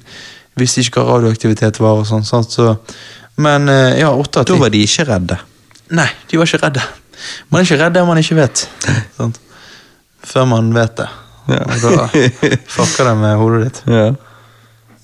Ok, da er vi kommet til preemptive strike. Fenrik Roe sendes ut undercover for å infiltrere eh, The Marquis. Roe blir dradd mellom lojaliteten sin til Starfleet og sympatien hun får for The Marquis. Dette er ikke en av de beste episodene, men det er, ingen, eh, men det er igjen interessant å se Rose sin karakterutvikling. Hun tar noen valg her hun ikke bare kan ta tilbake, for å si det sånn. Og likevel, tanken var at Rose skulle bli en viktig del av eh, den neste Star Trek-serien. Så ble det ikke sånn, og Roe fikk derfor sin avskjed gjennom denne episoden, hvor hun eh, blir en avhopper man kan forstå seg på. Jeg gir eh, Preemptive Strike en sterk syv av ti. Vel verdt å se. Spesielt om du liker Roe, men eh, som sagt ikke en av de beste episodene i serien. Tredjeakten er veldig rush, liksom. Noe som drar han litt ned for meg. Hva syns du om Preemptive Strike, Johannes? Ja, nei, veldig mye jobb. øh, veldig øh, sånn øh, jeg, jeg liker ikke Fenrik Rowe her, av en eller annen grunn. Jeg syns hun Ja, ja. er altfor sånn fram og tilbake, og hun ehm, Ja, veldig mye sånn Hvis ikke husker feil, så er det til og med gjort de der rynkene på nesen hennes mindre, så du nesten ikke ser de til slutt. Ja, jo, jo, jo. Det er jo et pluss, men, men eh, nei, nei, veldig sånn der eh, Mye Bare tenker følelser, følelser og alt sånt. sant? Og, eh, vet Er du blitt helt Data, helt spock? Ja, ja, jeg er blitt Du har ikke sympati for disse her Marquis? Nei, nei da. Jeg, nei, jeg bare følte ikke denne episoden, så jeg har faktisk gitt den fire av ti. Den verste episoden jeg har sett. Han er verre enn First Duty, det skal han ha. Men, Helvete. sorry, altså. Helvete. Det var rart å ikke ha peiling. Var, det er rart. jeg lurer liksom, Hvis jeg hadde vist deg en dårlig episode, jeg lurer på hva du, da tror jeg du hadde blitt For jeg har jo sett dårlige òg, Ja, ja. så det gjør at jeg har et annet perspektiv. Mens her har jeg gitt deg det jeg tenkte egentlig var bare godis. Så hvis jeg hadde vist deg en dårlig en, så tror jeg du hadde bare tenkt å ja, men denne hadde jeg gitt minus fire av ti. Så bare, ja, men det går ikke an å gi minus. og nei, da må jeg revurdere hele skalaen min. Nei, men altså, det, det må være rart å være trollbundet av Fenrik Rowe uh, og bare synes at Det er ikke rart, det er digg. Ja, det, det er jo digg, men eh, hun har jo ingen ass, for eksempel. Så det er jo Ja, det er jo fordi din generasjon har vokst opp med at man skal ha sånn her faen meg bagasjerom på ræven. Ja, ja. Sånn det gjelder Kim Kardashian-greier. Det er jo ikke normalt, det. For det første er alt det fake, Ja. og for det andre det var, det var ikke en ting den gangen. Nei, det var ikke det. På denne tiden så var det bare Han skulle vært tight, Ja. og så skulle du eventuelt ha litt tits. Ja, ja. Eh, og tits er jo det. Og noe sånn fett Fett på rumpen-opplegg. Det er sprøyte fett okay. fra andre steder på kroppen inn i ræven og sånn. Ja, men når du ser for eksempel Nicki Minaj, blir ikke du turned on da? Um, Feit rumpe? Nei. Oh, ok, wow. Men jeg har aldri vært en ass man. Nei, ok. Because I ain't gay. You ain't, nei, det er jo ikke noe gøy. Ja, men sant, Ingen dudes har jo sånn rumpe. sant? Jeg tuller. Hæ? Ja, sant, Jo. jo. Nei. Ingen damer har sånn heller. Jo. Det er jo fake. Ja, Ja, men, Så da kan like gjerne dudes ha det. jo, jo, men det er liksom noe med svære hofter, stor rumpe, tits, og liksom bare Ja, Det får være grenser. Ah, det- det, blir altfor mye. Det er helt Ja. urealistisk. Helt uproporsjonalt. Det ser jo ikke ut som noen ting. Jo, jo, men Ja, ok, da. Kanskje. ser ut som du har vært i en bilulykke. Bare hovnet opp så jævlig på hele kroppen. Ja, ok, da. Jeg hører hva du sier. Ja. men, men dikken min føler det på en annen måte. Ja, han gjør det. Han gjør det. Nei, det finnes òg flere gode Honorable Mentions-episoder, som for eksempel The Defector, Family, The Wounded, Darmak med Ashley Namnam Judd. I sin første ever-rolle. Det var hun jeg nevnte tidligere, at eh, hun er den peneste i hele serien. Hun er med i denne og eh, The Game. Um, ja, så har du Silicon Avatar, Disaster, Conundrum, True Q, Face of the Enemy, Birthright og The Chase. For ikke å snakke om Half a Life, en tankevekkende og rørende episode om livet, døden og hvordan vi ser på de eldre i samfunnet. Denne episoden er vel verdt å se. Jeg gir den åtte av ti, liksom. Wow. Jeg syns det var spesielt artig å se hun som spiller um, Fenrik Roe, Michelle Forbes, uh, i hennes første rolle i Star Trek her, som en helt annen karakter. Ok, ok. Så det var litt vittig. Det er bare en scene, men Ja. jeg, jeg digger jo Michelle Forbes, så you know. Ok, ja, ja Sånn selvfølgelig. Eh, Du, du, jeg vet at du har søkt opp henne på Google. Ja. ja, hun er med i masse greier. Ja, ja. Eh, en annen som skiller seg ut i denne episoden, er jo da moren til Diana Troy. En karakter jeg vanligvis ikke syns noe særlig om. Eh, akkurat som i starten av denne episoden, men etter hvert som episoden går, så får man et helt annet syn på henne. Karakterutviklingen hans. Nei, Half Alive skulle du sett. Den, eh, den er ikke dum. ja jeg kommer sikkert til å se den. En annen du skulle sett, en jeg tror uh, som altså Ut ifra alt vi nå har snakket om, så tror jeg kanskje du ville likt denne bedre, er The Hunted. En fantastisk episode som fungerer som en speiling av USAs behandling av sine egne soldater etter krigen i Vietnam. Minner litt om den første Rambo-filmen. The Hunted er en veldig underrated next gen-episode, spør du meg. Altså type sterk 8 av 10. Og, og fordi at han er virkelig Altså det er virkelig en spennende action-packed episode med et tankevekkende budskap. Og det er ikke ofte du får begge deler i en Star Trek-episode. Så The Hunted, den må du sjekke ut. Eh, det har jeg lyst til å gjøre. Og så har du episoder med potensiale som ikke fikk komme helt frem, liksom. Episoder med kule konsepter og plott, men som ikke er utført helt strålende. Som for eksempel i Hollow Pursuit. Mr. Barkley, en av Jordys menn, blir avhengig av halledekket, eh, der personlige forhold er enklere enn i virkeligheten. I virkeligheten er han en eh, overdreven, underdanig, sjenert og klumsete type. I holodeck-fantasiene er han en tough guy. Jeg liker at Picard ikke lar Jordy gi opp på Mr. Barkley, for som Picard sier, det er altfor lett å sende problemer videre. Han vil se Jordy hjelpe eh, Mr. Barkley istedenfor. Til slutt opplever Mr. Barkley mestring i virkeligheten, og ser verdien av å leve i virkeligheten istedenfor å leve livet gjennom hovedsakelig kun holodeck-fantasier. Dette er ikke en veldig god episode, men jeg liker historien, og jeg syns den er litt ahead of its time. Tenk på det, da. Hvor mange i dag flykter ikke inn i mobil, TV og underholdning fremfor å leve ut sitt fulle potensial i virkeligheten? Historien kunne vært fortalt hundre ganger bedre, men det er mye som føles eh, veldig utdatert. Likevel, selve konseptet var ahead of its time. Ikke men, men for det. At Ja, det er ja. mye ja. Mr. Barkley lider eh, tydelig av sterk sosial angst, muligens depresjon, om ikke andre mentale vansker. Det å da avfeie det som at han bare er sjenert, blir litt latterlig. Til og med Mr. Barkley himler med øynene når Jordy påstår at han bare er sjenert. Uansett, altså skal du se kritisk på episoden, så kan jeg ikke gi han noe mer enn maks fem av ti. Så jeg anbefaler han ikke hvis du er ute etter kvalitet, Nei. men jeg bare syns selve plottet var kult, for det er lett å bli avhengig av mobil- og spillkonsoller våre i dag. Tenk hvor sykt avhengighetsskapende Holodeck egentlig ikke Yep. hadde vært. Altså herre. Nettopp. Der du kan leve ut dine villeste fantasier. Ja, en, en annen virkelighet.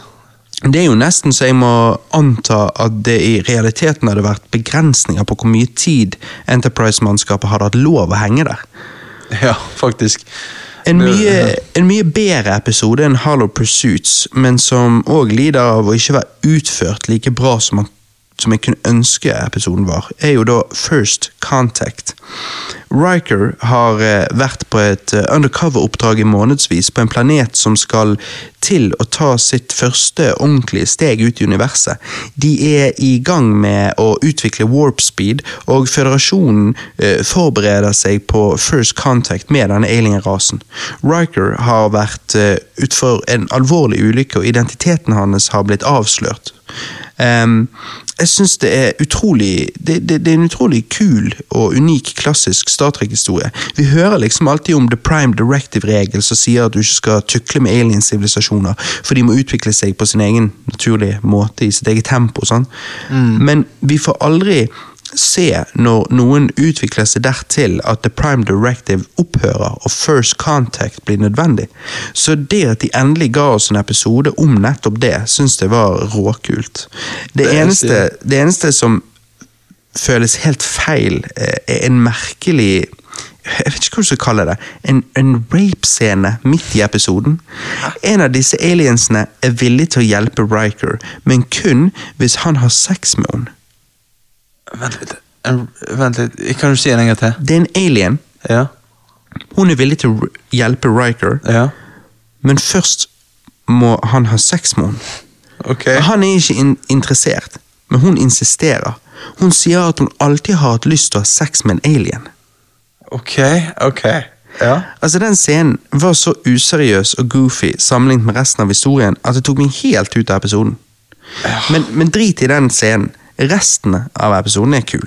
Treig, sure. Eh, jeg kan ikke gi episoden mer enn syv av ti, men likevel. Ideen bak historien er veldig kul. Tenk da, altså vi har jo ikke oppdaget warp-hastighet ennå, men, men likevel, se for, deg en, eh, se for deg det kom aliens ned på jorden når vi skulle reise til månen, eksempel, på 60-tallet, og inviterte oss inn i en lignende organisasjon som Starfleet. Det hadde jo vært helt sykt. Det vært helt De bare liksom ja, 'Gratulerer, dere har utviklet dere til det riktige punktet. Ja. Velkommen til eh, Melkeveiens eh, eh, union'. Ja. Så hadde du bare 'hæ?' Det er bare sånn, what the fuck? Så, så Nei, det er litt kult, det perspektivet der. Men det er så synd at disse episodene ikke er liksom da eh, på det nivået som de kunne vært. Det er det, jeg vet. Det er òg en eh, del ikke så veldig gode episoder, men episoder jeg likevel syns det er litt kos, for de minner meg om den originale Star Trek-serien med simple, litt goofy og artige plots, som for eksempel Time Squared, hvor Enterprise-mannskapet er stuck i en timeloop med to Picards. Um, The Survivors, hvor en alien-rase har utslettet en hel planet utenom et enslig hus, hvor det bor et eldre par. Hmm. Hvorfor ble de spart? Ok, den har jeg lyst til å se. Ja. Allegiance eh, Allegiance, Allegiance eh, hvor, hvor den ekte Picard blir kidnappet og satt i en celle med tre andre aliens, hvor de må sammen jobbe for å finne veien ut, mens en fake Picard har tatt over Enterprise. Damn. The Most Toys, hvor Data blir tatt til fange av en eksentrisk kunstsamler. The Ensign of Command, hvor, The Ensigns of Command, hvor en eh, koloni som har klart seg helt på egen hånd i over 100 år, blir tvunget til å forlate alt de har bygd opp. Eller The Schizoid Man, hvor en gammel vitenskapsmann som ligger for døden, laster opp bevisstheten sin i Data og tar over kroppen hans. Vi kan ikke sitte her i hele dag og snakke om honorable mentions. Vi må gå videre til de ti beste episodene ifølge IMDbs brukerrating. Men eh, som sagt, det er plenty av honorable mentions å ta av her. Ok, er du klar for topp ti, Johannes? Jeg er så sykt klar. Da snakker vi. Da, da er vi klar for topp ti. Oh yes. Ok. Av IMDb. Ja, IMDb sin topp ti. Ja. Ok. Nummer ti. Parallels. Fra sesong syv. Worf returnerer fra en konkurranse i Klingonriket, og merker at det er noe annerledes med Enterprise-mannskapet. Worf opplever at små endringer skjer rundt han hele tiden. Det viser seg at Worf, fra universet vi kjenner, glitcher over til parallelle universer om igjen og om igjen, noe som naturligvis gjør Worf veldig forvirret. Jeg syns ideen er kul, problemet er bare at uh, man skjønner ganske fort hva som skjer, spesielt med tanken på episodens tittel. Så du sitter liksom bare og venter på at episoden skal get going, skjønner du hva jeg mener? Ja, ja. Skjønner jeg litt. Hadde jeg eh, ikke skjønt hva som skjedde, så hadde jeg muligens så synes jeg kanskje hadde vært en artig episode, men siden plot-twisten er så sykt avgitt fra starten av, så syns jeg episoden dragger noe så jævlig. Jeg ville gitt eh, Jeg ville ikke gitt Parallels mer enn seks av ti. Hadde ikke det vært for tredjeakten, når Worf sitt eh, problem blir tydelig for alle, og de begynner å jobbe for å finne en løsning. Tredjeakten er solid, så det tar han opp til en syv av ti for meg, men that's it. Ja, ok.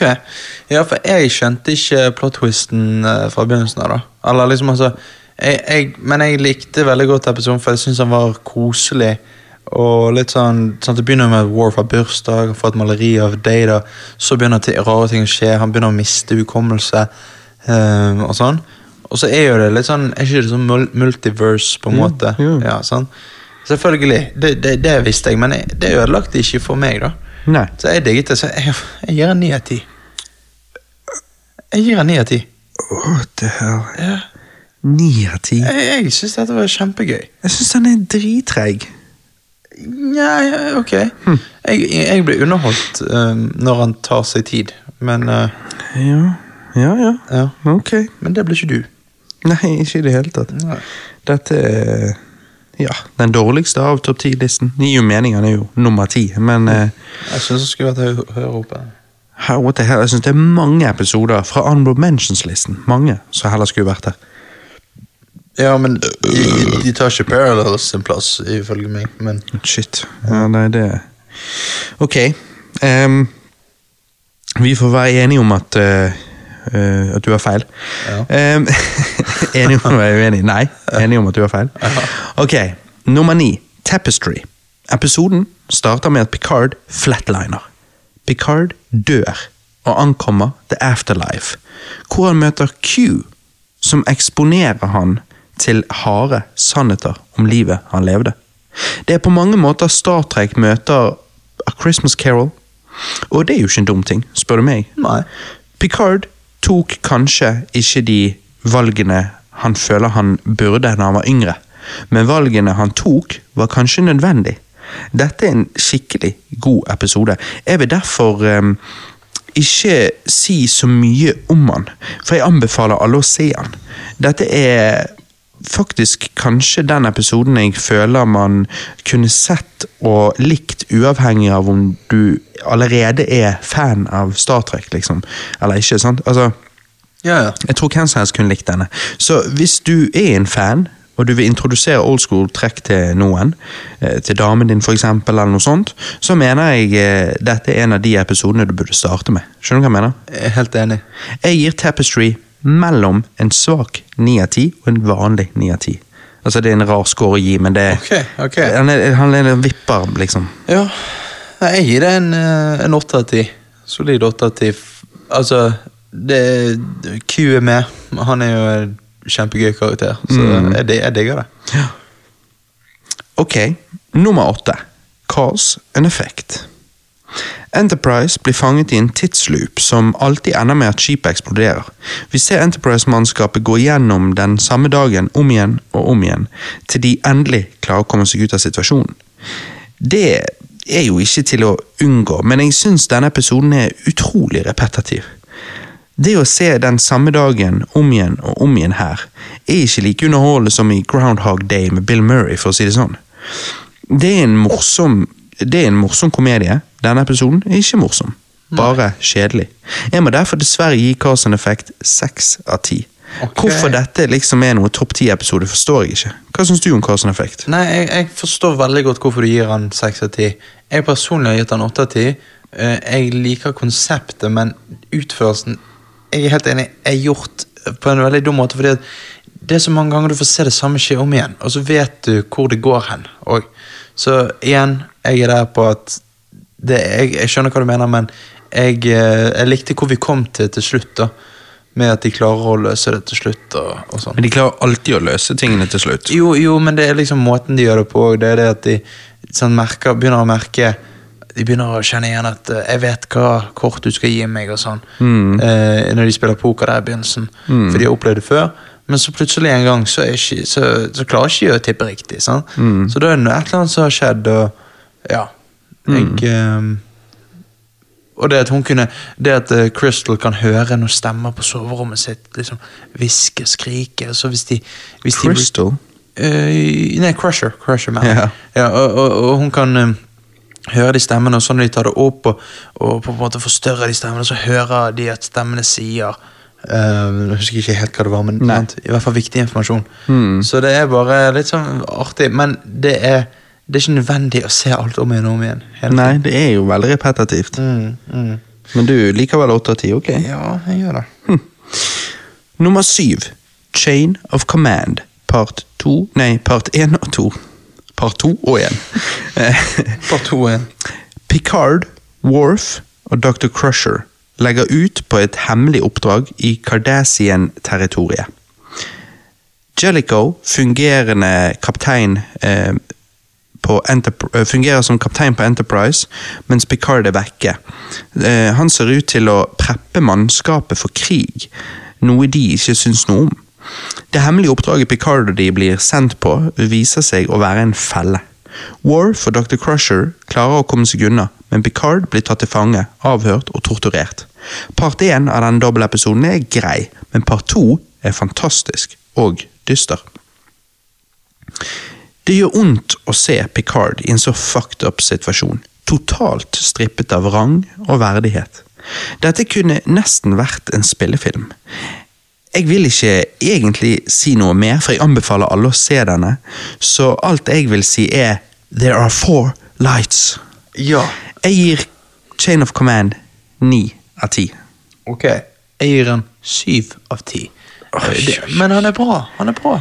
Men, men eh, jeg skjønte ikke Jeg falt av på slutten. Jeg, skjønte ikke Det er jo slutten som er han sier. There are four lights. eh, Han prøvde jo hele tiden. Han, han, gjennom hele driten, når han Ja. torturerer han, så, så tar han på de fire lysene Ja. og spør han hvor mange lys det er. ja. For han vil jo komme såpass Han vil jo tyne Picard såpass, torturere han såpass, at Picard eh, bøyer seg totalt Mhm. og sier at det er fem lys. Likevel, det er bare fire. Ja, sånn, ja. For hvis du klarer å, å knekke en person totalt, så klarer du å få dem til å gjøre og si det du vil.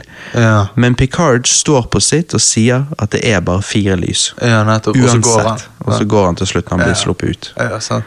Og Det bare synes jeg gjelder episk, for det viser at Picard er så jævlig sterk. Ja, han er. Han er så sterk, og når han kommer, og han, Picard ender opp med å komme opp i hodet på han som torturerer han. Ja, det er det. Når, når han kommer i en samtale med han, og han som torturerer han forteller om hvor hardt livet var Mm. før, og det er derfor de er så beinharde og ditt og datt. Fordi at når han var liten gutt, så var det, det var ikke mat, det var bare drit, krig. Mm. Og han var redd da han var liten, og sånn og sånn. Og så sier Picard ehm, fra nå av, hver gang jeg ser på deg, så skal jeg bare se den lille redde gutten du en gang var. Ja. Det er alt jeg ser. Og da ser du at han bare what? Og så liksom begynner han å torturere han videre. og sånn. sånn. Det det. Så Picard tar kontroll, likevel han er den som ja, i, i denne makt, Ja. eh, maktbalansen, så er det, eller maktubalansen, så er det han som er den svake, men Ja. Picard er så sterk karakter at han står i. Sant? Det er det men det, da, nå fikk jeg han opp på åtte av ti. Ja. Jeg skjønte det, for jeg trengte å skjønne det. Eh, men det, det var veldig kult, da. Men Jeg har jo til og med sagt til deg ledende opp til denne casten, når det kommer til denne episoden, så har jeg bare sagt ja, nei, det er bra, det er bra Johannes, det har four lights, og du liksom ja, jeg lurer på hva det betyr. Ja, og så ser du episoden, og så dupper du litt av på slutten, og så vet ikke du hva det var for det, noe. er det, det er det. Jeg visste ikke hva Men, eh, men shit, altså. Picard er en hard ass motherfucker. Mhm. Blir ikke mer med Han er en enn det. G. Mhm. Nummer seks. Q Who. Den klassiske Next Gen-villain Q er tilbake. Han sender Enterprise 7000 lyser av gårde for å lære Picard og gjengen en lekse. Vi møter Borg-rasen for første gang. En rå alien-rase. Altså, vi har jo snakket om Borg-rasen før, men Ja, ja. sant? når du ser serien, dette er i sesong to, så, eh, så er det første gang du ser dem. En rå alienrase, delvis humanoid og delvis bygget opp av kunstig intelligens.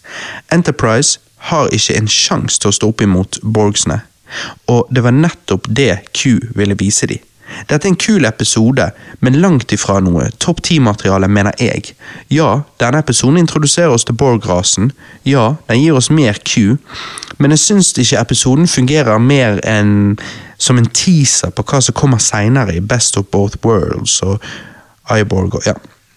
Så likevel, dette er en quote unquote viktig episode som introduserer oss til denne Borg-rasen, så ser jeg ikke hva som gjør resten av innholdet her noe særlig spesielt.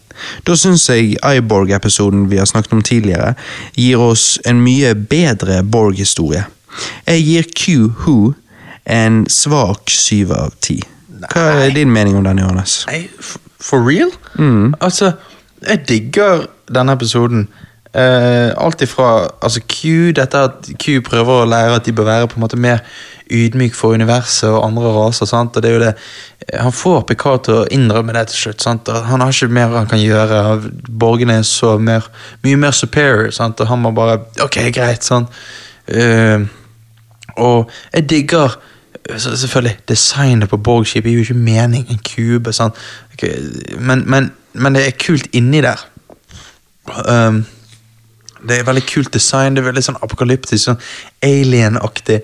Og så Alien som i Alien-filmen. Ja, ja. Mm.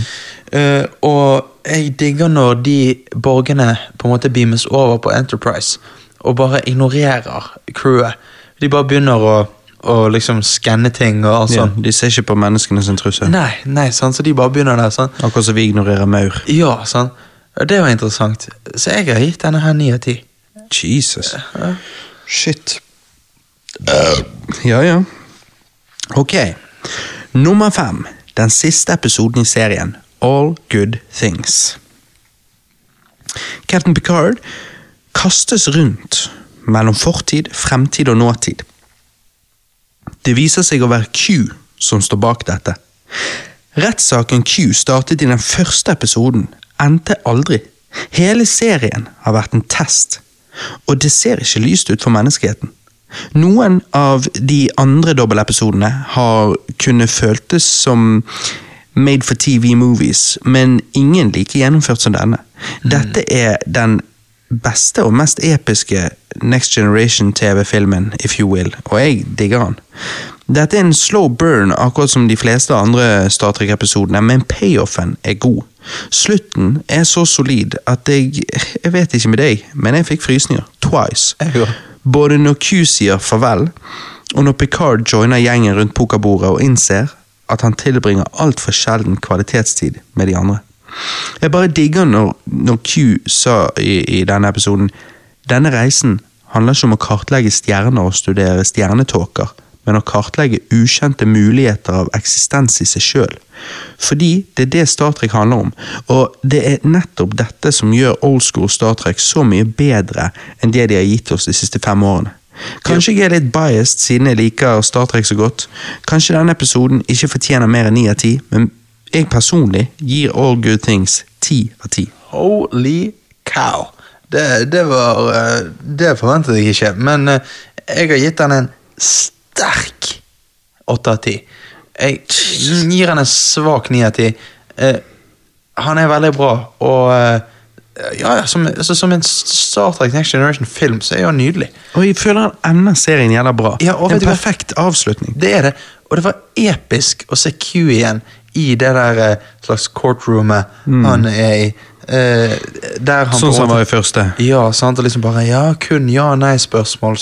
Og Picard liksom spør han ut, og så eh, Han er en wicked bastard, men eh, eh, sant, Altså Q, men eh, du, du, du bare elsker han. Mm. Og så var det veldig creepy, dette her med at i begynnelsen, Queefy. Ja, det var queefy når, eh, når Picard ikke skjønner dette her med tidsjumpene i begynnelsen. Sant, Mhm. altså, eh, hopper mellom eh, tre forskjellige ting. Og, det er interessant å se fremtiden. ja, det er det. Det er veldig interessant, og du, du ser jo de forskjellige. Men jeg syns Riker sin makeup var, var veldig dårlig, da. Ja. Men uh, Det samsvarer litt med skuespilleren. ja, så. selvfølgelig. sant. Uh, så ja. Men eh, jeg håper ikke jeg kommer til å se sånn ut eh, når jeg blir gammel. Selv om ja, jeg liksom er Riker. Kommer til å se ut som du har uh, gammelmannsmakeup. Ja, sånn så svær panne Mm. Nei, men ok. Ja, nei, så du Ok. Mm. Jeg skjønner. Det er greit. Ja. Det er greit. Men for å si det sånn, den episoden er mye bedre enn den, som, enn den neste.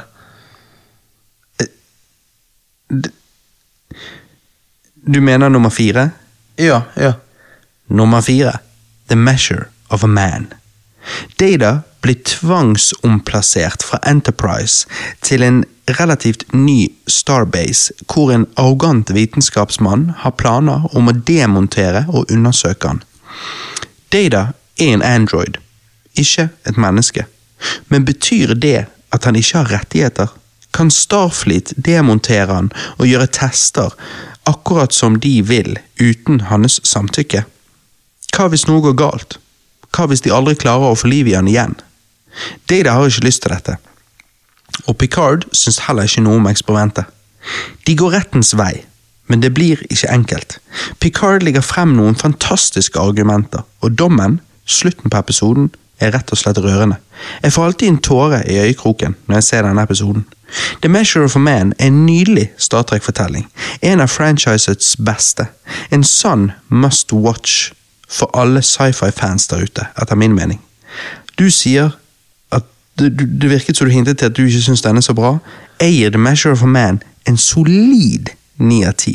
Altså, jeg syns The Measure for Man er helt fantastisk. Igjen, courtroom drama. Nettopp. Men, men tal Ja, men herre! Nei, men altså, Den er jo liksom elsket av alle Star Trek-fans. Ja, ja. Talen til, til Picard på slutten her er jo bare så solid. Det er bare så typisk Picard. Det er bare så jævla bra. Mm. Nei, altså, The Measure for Man er helt fantastisk. Ja, det er en god episode. Det er derfor jeg heter den en sterk syv av ti. Og jeg, jo, Går ikke an! Jo. Det går ikke an! jo, men altså Det er noen episoder du har gitt altfor høy, og det er mange episoder her du har gitt altfor lav. Ja, Det er noen du har gitt altfor lav, eh, du òg. jo, jo. Uh, sånn som Remember Me. Men Så Remember uansett- Me er mye bedre enn Measure of a Man. Altså, da Ja. Da har man, mer- drukket, da har man fått drukket for mye Jeger. Det er jo det mer Det er mer underholdningsverdi i Remember Me. Men uansett Nei, det er ikke, det, som-. Det er ikke det som er poenget. For poenget her er at dette er en god episode, og jeg liker det spørsmålet de racer. Har ikke en Android rettigheter? Selvfølgelig har han det. Han er jo en så avansert ting at man må jo ta han alvorlig. Sant? Og uh, Men, ja, hva, men hva er det som drar han ned for deg, da? det blir uh, litt langtekkelig til tider. Og, eh, og da, da Liksom Da må jeg Da, da, da liksom blir ikke jeg underholdt. Da må jeg gi en effort for å for å på en måte følge med, og da, da trekker det litt ned. Men så hvis ikke, så bare flyter det. Da bare, jeg ser jeg bare holy shit. Sånn. Dette, Ja, jeg ser bare og tenker holy shit. Ja, okay. Jeg tenker langtekkelig med Remember Me med crusher som løper rundt der. Bare, «Å, vi er enda færre folk nå. Ja, ok. Vet du hva? Vis meg en dame som ikke vet hvor hun er. Jeg bare wow! Jeg bare Mhm. digger det. Det er da du slider opp i, på siden, og jeg kan følge det hjem. Og så er det du som har puttet Roof i drikken hennes. På fest. Mm. Og skremmer henne og påstår at uh, Ja. universet imploderer. Ja, ja. Det er meg. Ja. Vi må ha sex før verden, uh, verden går til helsike. ja. Men du liker courtroom drama Mhm. med data uh, og um, Hva annet liker du? Hun der og rynkenesen. Ja, Roe. Mm. Sant? Nei, ok. Nummer tre. Nå er vi på topp tre. Det vil si ifølge IMDb, da. Ja. Nummer tre. Yesterday's Enterprise. Enterprise D kommer over et rift i tiden. Og hvem som kommer ut derfra? Deres forgjenger, Enterprise C. Ikke bare det, men alt har forandret seg. Tidslinjen har blitt endret. Kun bartenderen på skipet har merket det, Guinan. Men hvordan skal hun klare å overtale Picard om at dette ikke er den riktige tidslinjen? Dette er kanskje det nærmeste vi kommer en sånn Mirror Mirror-episode i Next Generation. Ja. For det er ikke en Mirror Mirror-episode i, i, i denne serien. Enterprise C var midt i kamp, en kamp de var ment å tape. Men nå som de går igjennom denne tidsriften og reddes av Enterprise D, gjør det at Starfleet fremdeles er i krig. Enterprise C må sendes tilbake til der de kom fra 22 år tilbake. Likevel de vil dø, for ellers vil så mange flere dø. Dette er en god episode, men jeg personlig syns ikke han er i nærheten av like god som alle andre skal ha det til. Den tredje beste episoden i serien mm, Nei, det, det er jeg ikke enig i. Jeg liker tidsreiseepisoder, men jeg liker når er, de er mer filosofiske og tankevekkende enn militær og actionbasert. Det er en god episode med en spennende avslutning. En episode definitivt verdt å se, for all del. Men jeg kan ikke gi Yesterday's Enterprise mer enn 8 av 10. Ok, her har jeg misforstått noe, i så fall. Uh, for jeg har gitt den fem av ti. For jeg, jeg, jeg var ikke underholdt, og jeg, jeg forsto ikke alt. Det, det er det som er hovedproblemet. Du må bare ta på norsk tekst, og så må du bare lese den. Etter hvert så det kommer ny tekst, så må du lese den. Og så når det kommer enda mer tekst, så må du bare fortsette å lese. Jeg syns det var litt confusing. Hvor, hvor kommer disse fra? Hvorfor er det et problem? Og hvem er hvem? Og alt sånt. Det er er problem, for de er fremdeles da i krig. De har altered the reality. Jo, men Av og til føltes det som For det er jo forskjell på eh, det indre i skipene, sant? så vi skal se forskjell. Men av og til så så det da ut som eh, det ekte Enterprise var på det, eh, det andre Enterprise, og, og liksom Picard der Hvem hvem Picard er så ekte? For nå oppfører han seg som den ekte Picard. Og, eh, Ja, har ikke han Han er jo helt annerledes skjegg og alt og hår og Jo, ja, ok. Ja, nei Jeg, jeg må ha misforstått. Hva skjer, han hadde goatee og alt mulig? Er, er det den episoden, da? Er ikke det en annen? Det kan hende det er jeg som tar feil nå. Ja, jeg tror det er en annen. Jeg tror de så helt like ut, Ok. faktisk. Men jeg, jeg, det var nok jeg som uh, misforsto. Så jeg ligger meg helt flat ned til det. Nei, men eh, jeg, jeg Ja. Ja ja, nei, du har rett, ja. De er like, sant? ja. Ja. Så det er interiør og alt det som er annerledes. ja. Det er det som eh, fucket meg litt. Hm. Så jeg tror jeg eh, Men, men det virker som du da, når du sier det sånn, så virker det som det, Sånn er jo det av og til, når vi anmelder ting. Så av og til så virker det som du ser noe, og så ser du det mens du egentlig gjør noe annet. Så du ser det, du ser bort på det av og til, og sånn, og så bare Nei, nå forstår jeg ikke hva som skjer. Ja, Det virker ikke som du satt der og så hele med full oppmerksomhet. Jo, jo, jeg, jeg, jeg gjør det, men av og til så bare skjønner jeg ikke Vent, hva har skjedd nå? Hva, hva mener de? Jo, hva mener du med hva har skjedd nå? Du har jo sett, sort og sett på det. Jo, men de sier noe, og så skjer noe annet og- og- enn det de sa, og så bare tenker jeg Nei, jeg vet ikke. Så spoler ikke du bare tilbake. Nei, for jeg tenker jeg har ikke tid til det. Jeg må komme gjennom alle disse. Fy faen. Men uh, Herregud. Ja. Ok. Nei, fordi at eh, fem av ti, det er jo det ikke. Okay. Herregud. Det er jo nummer, det er jo nummer tre på IMDb-listen. Det er jo Ja. Altså. Ok. Nummer to. Best of both worlds. Part én og to. Enterprise svarer på et nødanrop fra en av føderasjonens mest fjerntliggende kolonier. Og når de kommer der, møter de en mektig fiende, The Borgs. Og resistance is futile. Likevel, vi har blitt teaset The Borgs før, så er det dette som er den skikkelige Borg-episoden, håper jeg å si. Hvor vi lærer mye mer om de. Borgsene kidnapper Picard, gjør han til en av de og sitter kursen mot jorden. Dette er en tight dobbeltepisode. Veldig bra skrevet, veldig god pacing, utrolig spennende. Objektivt sett er nok dette en av de beste episodene i serien, men for meg personlig, som aldri er like tiltrukket som sagt disse rent militære, actionbaserte episodene, som de mer filosofiske episodene, som jeg dessverre gir Best of Both Worlds part 1 og 2 8 av 10. 9 av ti score for meg er liksom forbeholdt de episodene jeg virkelig faller for, og ti av ti er ment for de episodene jeg syns er perfekt. Men er jeg altfor streng her, Johannes? Har jeg en helt merkelig smak? For Best of Both Worlds er jo god. Jeg bare ble ikke like frelst her som jeg ble av Iborg-episoden, for eksempel. Nei ehm, Jeg vil jo si at dette er kanskje en veldig sånn ikonisk eh, eh, Star Trek Next Generation-episode. fordi det, det er det. det er jo den cliffhangeren. sant? Mm. Og jeg visste faktisk om den cliffhangeren fordi at eh, Good Mythical Morning hadde en episode på liksom de beste cliffhangerne i TV-serier. Mm. Og da så de på den, liksom. og sånn. Eh, og da skjønte jeg sånn Å ja, selvfølgelig. ja Men det som er så dumt, er jo at med en gang eh, part to begynner igjen, så er det bare sånn Nei, hold your fire. ok så altså bare sånn Ja, det hadde ingen stakes i det hele tatt. Men eh, Men for um, seere som så Star Trek den gang, ja, det må ha vært helt sykt. så gikk jo det ja, Sikkert flere måneder Ja, ja. før de fikk Sånn. svar. svar. Så det er jo selvfølgelig kult, men eh, Hva var det du ga det igjen? Jeg ga denne en eh, åtte av ti.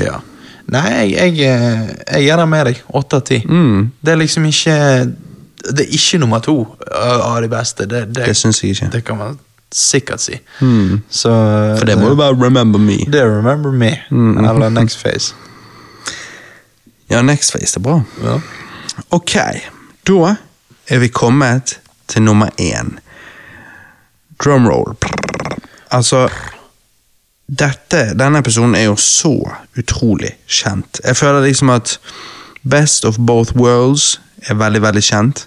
Men denne òg er jo veldig kjent. På, på de fleste lister okay. eh, der ute så er denne episoden nummer én. Ok. Jeg snakker jo da selvfølgelig om The Inner Light. Picard faller om på broen av Enterprise, og når han våkner til igjen, er han i en landsby der de kaller han for Kamin, eller hva de kaller han for. Er det Ja, det? Kamin. Kamin? I denne landsbyen, i dette nye livet, er han til og med gift.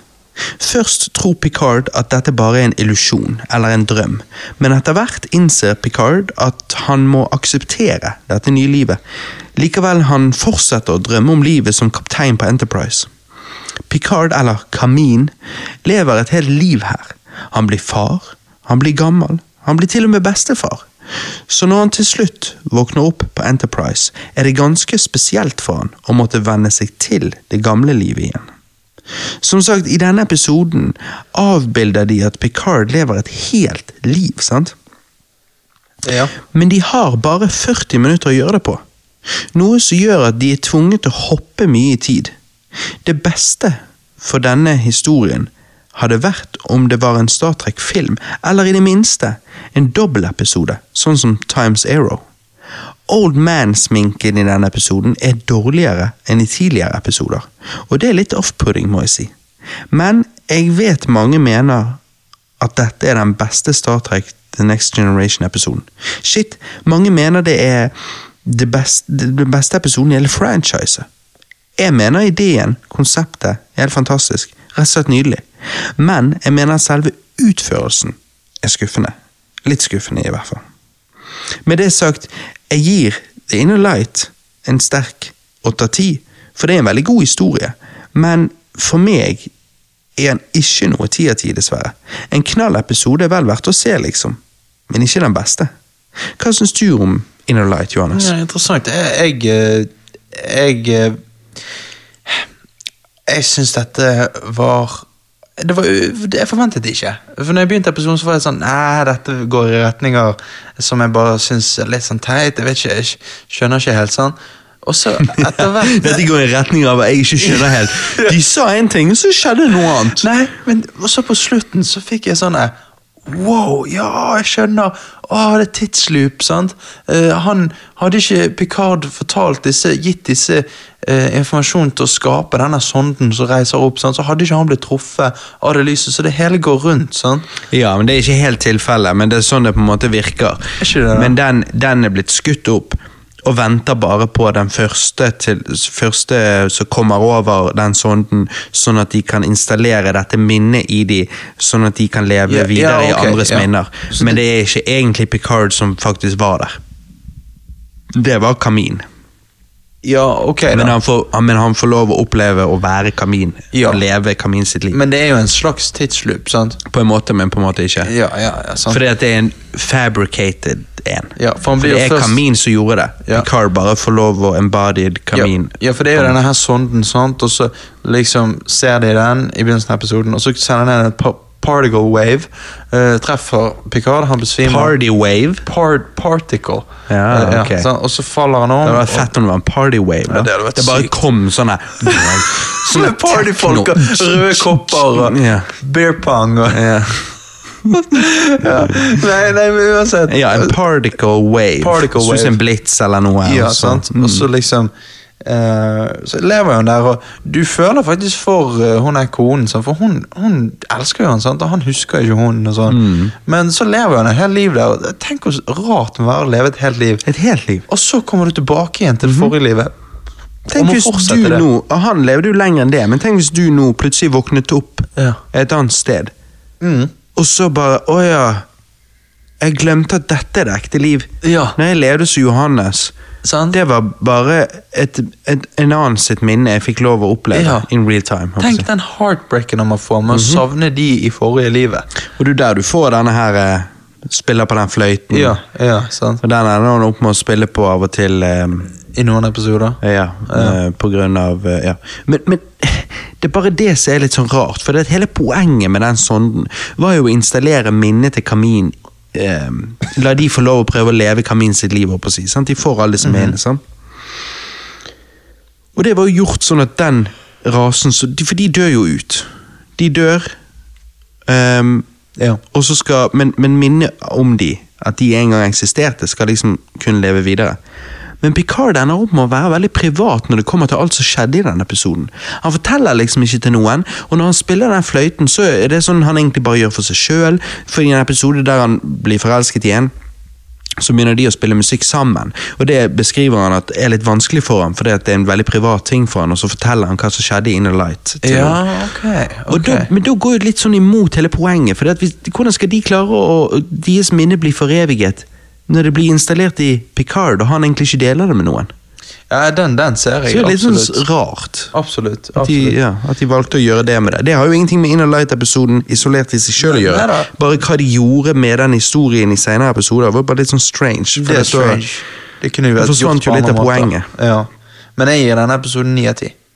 Ja, shit, du liker den såpass. Ja, jeg Men skjønner du hva jeg sa med at denne old man-makeupen hans var jævla wack denne Den var. Og jeg føler Hvorfor egentlig, var han det? Nei, men altså, Den var wack der, men sånn som de hadde altså, Old Woman-makeupen på uh, uh, Crusher i um, All Things uh, All good things. All Good Things, den var dritbra. Mm. Altså, det var jo sånn her, Jeg tenkte her hvordan har de fått det til? For det Mhm. ser jo veldig ekte ut. da.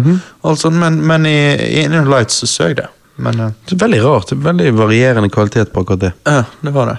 Veldig. Må jo ha vært når de lagde In Light at uh, makeupartisten ble syk, og så kom det en vikar inn. sikkert. Som egentlig ikke har peiling. Ja, men altså, Han så på maks ti år eldre ut. Det var det, liksom. Mm. Nei, nå har vi vært igjennom shit ton av episoder.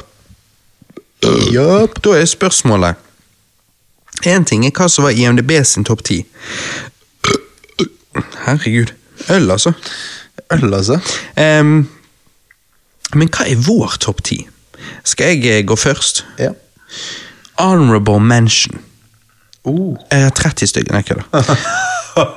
Nei, jeg har en honorable mention sant, som liksom er på lik, nesten på lik linje med nummer ti. Men han er ikke like god, men nesten. Så honorable mention Datas Day. Ok, ok. Nummer ti The Next Phase. Oi. Vent litt, hva, hva var Next Face om igjen? Det er den du liker, den er når Roe og LaForge eh, Ja, ok, tror ok. de er døde, håper jeg. got it. Mhm. Nummer ni Iborg. Oi, ok. Nummer åtte Tapestry. Ok. Nummer syv The Drumhead. Wow. Nummer seks Future Imperfect. Ok. Nummer fem Chain of Command. There are four lights. Nummer fire Times Arrow. Er du klar for topp tre? Ja. Nummer tre The Measure of a Man. Ok. Kvalitet! nummer to Lower Decks. Ok. Og nummer én All Good Things. Litt. Ja Du har ikke Nei, ok. Ja, ja. Her var det mye Her var det mye godis. Her var det mye ja, Mye kvalitet. Det var mye bra, men det var Veldig mye bra. Noe hørte Hele driten er bare helt fantastisk. Okay, kan jeg Ser du disse to? Da, nei, disse to, sier jeg. Disse, disse ti, da snakker vi. De, ha en- de er verdt å se, folkens. Se de. Kan jeg ha en honorable mention, jeg òg? Ja, selvfølgelig. Honorable mention Encounter at Farpoint. Å, herre. Det gir jo ikke mening med scorene du har gitt i dag, gjør det det? Jo, Ja, ok. det er bra. Ja, Okay. Ja. Um, Det er faktisk Ja, ja. Nummer. Greit. Jeg skal faktisk Jeg skal ikke hate på den. nei, sant? Det er greit. Nummer ti. Mm. Cause and Effect. Ok. Nummer ni. All Good Things. Er det nummer ni? Det er nummer én, bro! Nei, nei, nei. Den er nummer én! Det er åtte episoder som er bedre enn den. Nei, det er det faktisk ikke. For det er faktisk ingen. Nummer åtte. Parallels. Herregud. Nei. Nummer syv. Mm. Descent part 1 og 2. Ja, greit. Greit. Nummer seks. Mm. Where No One Has Gone Before. Nei. Ja. Altså, det, det, er bra. det er greit. Nummer Men- fem. Ja. Q-Who. Um, ok. Ja, når han skal lære deg en penge. Eh, Ja, er det den, ja? Nei. Jo. Du, da, lurer jeg på hva du hadde syntes om True Q. Ja, ok. Mm. Den, ehm, det er òg en Q-episode. Det er en sånn ehm, det, er det kommer en ny eh, uerfaren uh, student på en måte fra akademiet som skal få være litt på Enterprise og sånn. Okay. Og så kommer hun ja, Nå bare avbryter jeg deg midt i din topp ti, men det er bare fordi Ja. at du liker Q. Jeg bare tenkte, må bare beskrive den til deg. Kjekt, da. Mhm. Og så liksom er hun litt sånn ja, ja, sant. Veldig pen og ja. Okay. Ikke at det bør ha noe å si, men det har jo noe å si. Ja, det har noe å si. men i hvert fall. Og så eh, Det er liksom noe med Hun er blond, eh, pen, Ja. og så går hun kledd i rosa. Altså, det er bare sånn Ja, ja. Sant? Nice. Nice. Ja, og, så, og så eh, går hun inn på chorusene sine, sant? altså sin lugar, Ja. og så bare er det masse puppies der. Og så sier hun liksom Nei, nei, dere har ikke lov. Og så sier hun dere, kan må gå vekk, og så bare forsvinner de. What? Så bare tenker du hæ? Og så er hun nedi, nedi på et tidspunkt nede i liksom storage compartment, hangar deck-opplegg. Og så er det noen som holder på å falle på Riker, sånn at han kunne skadet seg legit, Ja. liksom. Ja. Kanskje til og med dødd. Altså, Ja. ja. Og så bare dytter hun de tingene til siden med hodet sitt. Og hun vet ikke noe annet. Altså, hun virker litt sånn. Litt sånn, uh, Hun kan ha bare sånn mentale powers, liksom. Mm. Og så plutselig kommer Q og sier til Picard at han er her for å teste en. For det kan hende at hun er en del av the, the Jesus. Ja. Det kan hende hun er en del av the Q continuum. Ja. Tingen er at hennes foreldre var en del av Q continuum. Så forlot de the continuum for å um, um, leve normale liv som mennesker på jorden. Det ga ingen mening for the continuum, så de ble på en måte skjønt. Så fikk de et barn, det var hun her. Så hun er egentlig en ku, hun òg. Og så tester kuen Q-en en del, og, og, og så er det liksom interessant å se, for hun har jo levd hele sitt liv som et menneske. Hun vil jo egentlig fortsatt leve som et menneske, men når du får gudelige krefter, hvordan kan du la være å bruke dem når de kan redde så mange liv? Nettopp. Så du liker Q, du er liker, du liker Babes, Ja. så jeg, vi tror True Q tror jeg du skulle sett oss. Jeg har lyst til True Q. Nå må jeg bare dobbeltsjekke at jeg ikke lyger om navnet på denne episoden. Men altså spesielt hvis hun er hot, liksom. Mm. Da, jeg, jeg tar den gjerne. Skal vi se, True Q, ja, det, det er det han Det er den, sant? Ok. Hun er Ja Altså, hun er ikke så Jeg sier ikke at hun er liksom sånn helt amazing, men hun er jo pen. Hun har liksom eh, Hun har et pent smil, da. sånn. Ok. Så jeg antar du skal vise meg henne. Ja, jeg kan, eh, jeg kan vise deg et bilde her. eh, Det var litt vanskelig å finne et bilde der hun ikke Så ikke en freeze frame av at hun måper eller et eller annet. jeg å si. Ja, det er jo klassisk digg, det. Jeg liker, og jeg liker veldig godt liksom jenter med eh, blondt hår Eller jeg liker jo vanligvis brunetter, Ja. men hvis det er blondiner, så liker jeg de med, med brune øyne. Ja, hvis, de har brune øyne, ja, men det er jo det som gjør det. Altså, det er ikke en eh, Nei, det kan jeg ikke si. Men, men det, er, det er en altså, Hvis en blond jente har brune øyne, det er jo mye mer digg enn en blond jente med, med blå øyne. Jeg sier ikke at blonde jenter med blå øyne ikke er digge, men Alle, alle damer er digge. alle damer er digge. Alle damer, nei, nå må ikke si digge. Alle damer er flotte. Alle damer er praktige. Nei, de er prektige og, og Ja da. Ja, hun er digg. Skulle vært litt mer cleavage, da hadde det vært greit. Men uh, oh, ja, du, var ikke du sånn du ville ha sånn monster ass? Uh, eh, Jo. det er det du trenger. Jeg trenger monster ass. Uh, Men nei. ok, Ja. men det var nå det. Så en anbefaling eh, hvis du liker Q, da da da. Tilbake til deg, Johannes. Ja. Si om igjen den, for, den siste du sa. Q who.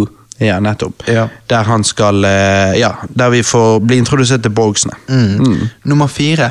The next face.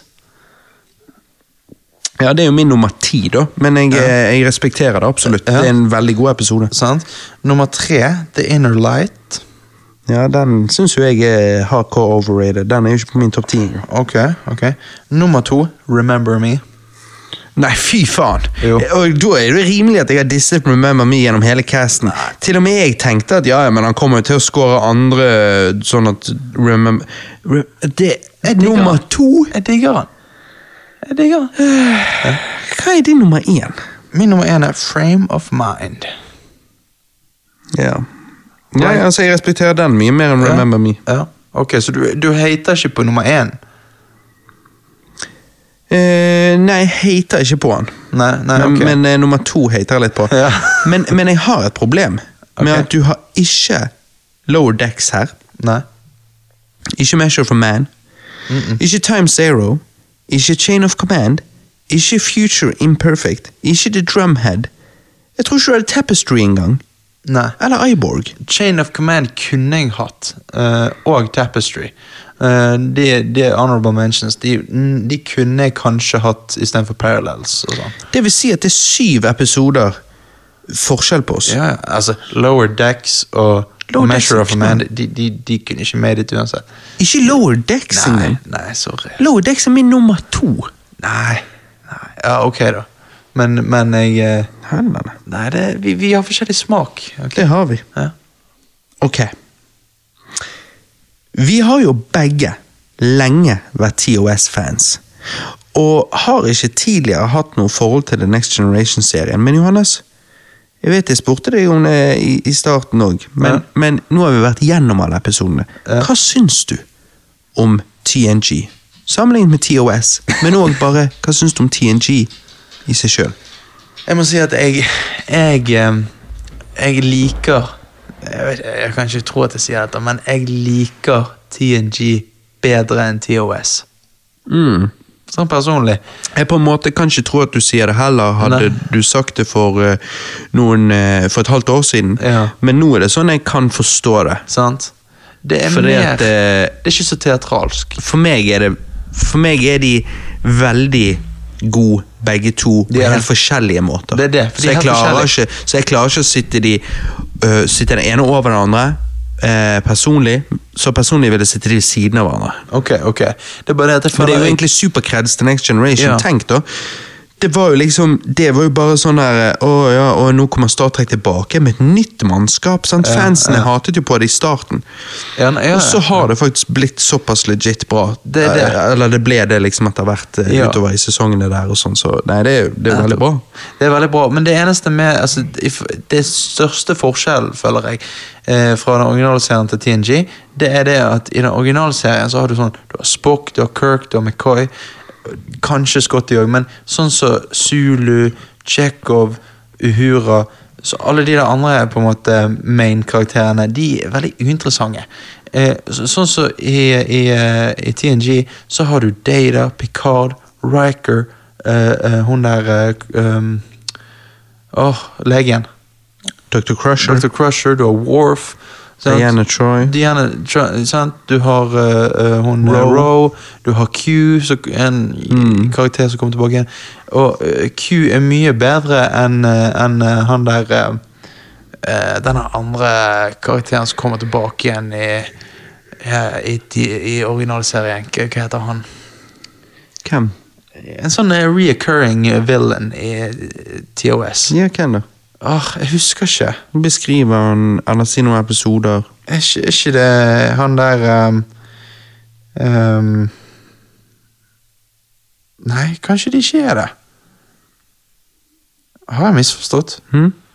Jeg ser for meg en sånn uh, Jeg tror jeg blander uh, TOS med Star Trek Continuous. Kanskje. Jeg ser for meg han som er i første episode av Star Trek Continuous. At, det, han er ikke i originalserien, nei. Men, men um, Kommer han flere ganger tilbake? Uansett, du har jo Harry Mudd. Han kommer jo tilbake twice. I Nei, jeg mener han kom tilbake én gang. ja, okay, ja, ja. Så jeg tror det er to Harry Mudd-episoder. Ok, ja. Um, men, men Q er bare en veldig genial antagonist. ja, Så, Absolutt. Så det, digger han. jeg digger han. Uh, så ja. Jeg gleder meg veldig til å så på en måte i fremtiden se eh, Se og ta opp cast nå da på Deep Space Nine, Voyager og Enterprise. Mm, De tre seriene. Nå når vi har tatt TOS, vi har tatt TNG For veldig mange fans mener jo altså mener jo liksom at Sånn sånn som jeg har skjønt det, så har du liksom de som vokste opp med TOS, eller liksom liker the classics. Så er det de som liksom liker best TNG, men det som blir hyllet mest, det som på en måte jeg tror eh, Eller fra de mest hardcore Star Trek-fansene, de mest hardcore, så er det Deep Space Nine som er det shit, liksom. Så jeg er veldig spent på, på den. Shit, ja. ja. Så Deep Space Nine, Voyager og Enterprise. Og så selvfølgelig gleder jeg meg til å se filmene. Ja, Ta en, ta en cast der vi ser alle filmene. det må vi. Men eh, da gjenstår jo det bare å se Picard-serien for meg, da. Nei. Eh, da, Nei. Den ødelegger jo alt Ja, fra. TNG. Shit. Den bare ødelegger så mye. Det er helt ridiculous. men er det bare Picard Er det bare eh, Patrick Stewart som kommer tilbake igjen? Eh, ja, og så nå i siste sesongen så, så kommer vel mange tilbake. Okay. Riker og alle mulige. Men, men sånn som jeg skjønte Så er det drit? Mer enn drit. Det bare ødelegger alt. Det bare, ja Sånn som med alle mulige sånne ting. Så bare raper de Hvorfor hele gjør han det, da? Hvorfor gjør han uh... Penger? Ja, Til søren, jeg. ja. Jeg vet ikke. Han har vel ikke hatt så mye publicity siden den gang? Nå er han gammel. Får ikke jobb noe andre steder. Nei. Det er ikke som han kan bare gå på en vanlig audition nå og få, få jobb. Nei, ja, Han er så folk, gammel at han står bare rett opp og ned. Så. folk forbinder han med fatshaming. Det er jo oi, gjorde han det òg? Nei, men du vet jo det der med Ja, James Corden. James Corden, ja. ja. Det var awkward. det var sykt. James Corden er faen meg douche. Ja, han er jævla douche. Han er klarer ikke å ta en joke, liksom. Nei. Nei, men Han skjønner han klarer ikke å ta kritikk. Nei, nei. Du ser han er sykt bitter. Han er en, en skikkelig man-baby. Ja. Ok, helt til slutt. Sa jeg gleder meg til å se, ta en cast på filmene og sånn. Ja. Vi har jo de tre moderne Star Trek-filmene med TOS-mannskapet. sant? Ja. Star Trek 2009, Into Darkness og Beyond. Ja. Som du sikkert vet, kommer jo den fjerde filmen på kino til neste år. ja. En siste, eller han skal i hvert fall komme til neste år, vi får se om det forandrer seg. Men i hvert fall, um, han er under production da. En, en siste film i den rekken av filmer der. Mm. Eller kanskje ikke den siste Star Trek kinofilmen After All. Hmm. Inside Sources har nå kommet ut med at TOS-mannskapet skal gi torchen videre til et nytt TNG-mannskap, som fremtidige filmer skal handle om. Wow. Jeg syns det hørtes genialt ut, for jeg er en stor fan av Star Trek 2009-filmen. Likevel jeg ikke nødvendigvis syns at Into Darkness og Beyond er sånn dritgod. Nei, nei. Eh, men å få se Picard, Data, Q og alle de andre TNG-karakterene on the big screen igjen Altså Da mener jeg ikke skuespillerne, med karakterene. Fuck, altså. Det gjør meg hyped. Fordi at Ja, Likevel okay. jeg digger Kirk, Spock og alle de der. sant? Det gjør jo jeg. McCoy. Når de recastet de og lagde den filmen, og sånn, så var jeg good med det. For jeg liksom tenker ja, det gir mening. altså det hva skal du gjøre da? Jeg, jeg vil ikke nå ha jeg vil, ikke, jeg vil ikke i 2009 ha en film med William Shatner. Altså, hallo. Så, så og, og det jo på en måte og du Det er jo I 2009 så var jo William Shatner uh, opptatt med å være med i den der um, øh, Fanboys. Fanboys. Ja. Uh, men sånn Det er liksom det at Det er jo hva de kaller det, the Calvin timeline. Ja. Så det å så få Picard, Data, Q og alle disse her i the Calvin timeline Jeg tenker det er fett. Det er fe, fet, fet måte å, å videreføre den legacyen. Og på samme måte som jeg i 2009 så Star Trek-filmen. Og derfor endte opp med å gå tilbake og se gamle TOS-episodene. Ja. Og da ble jeg en Star Trek-fan. Så vil nå en ny generasjon Ny generasjon se TNG-karakterene i de neste Star Trek-filmene, gå tilbake og se gamle Next Generation-episoder og bli Star Trek-fans. Yep, yep. Så jeg syns det er konge. Hva, hva sier du? Ja, jeg, jeg er med på den. Altså, jeg, jeg, men når, når du sa dette med recasting, så tenkte jeg ja, men jeg digger jo han, han, han skuespilleren som spiller Data. Jeg digger han virkelig digger han skuespilleren som, som spiller Q. Sant? Og, Jeg vet, men det samme, det samme kunne jo man sagt om sant, før Star Trek 2009-filmen kom ut.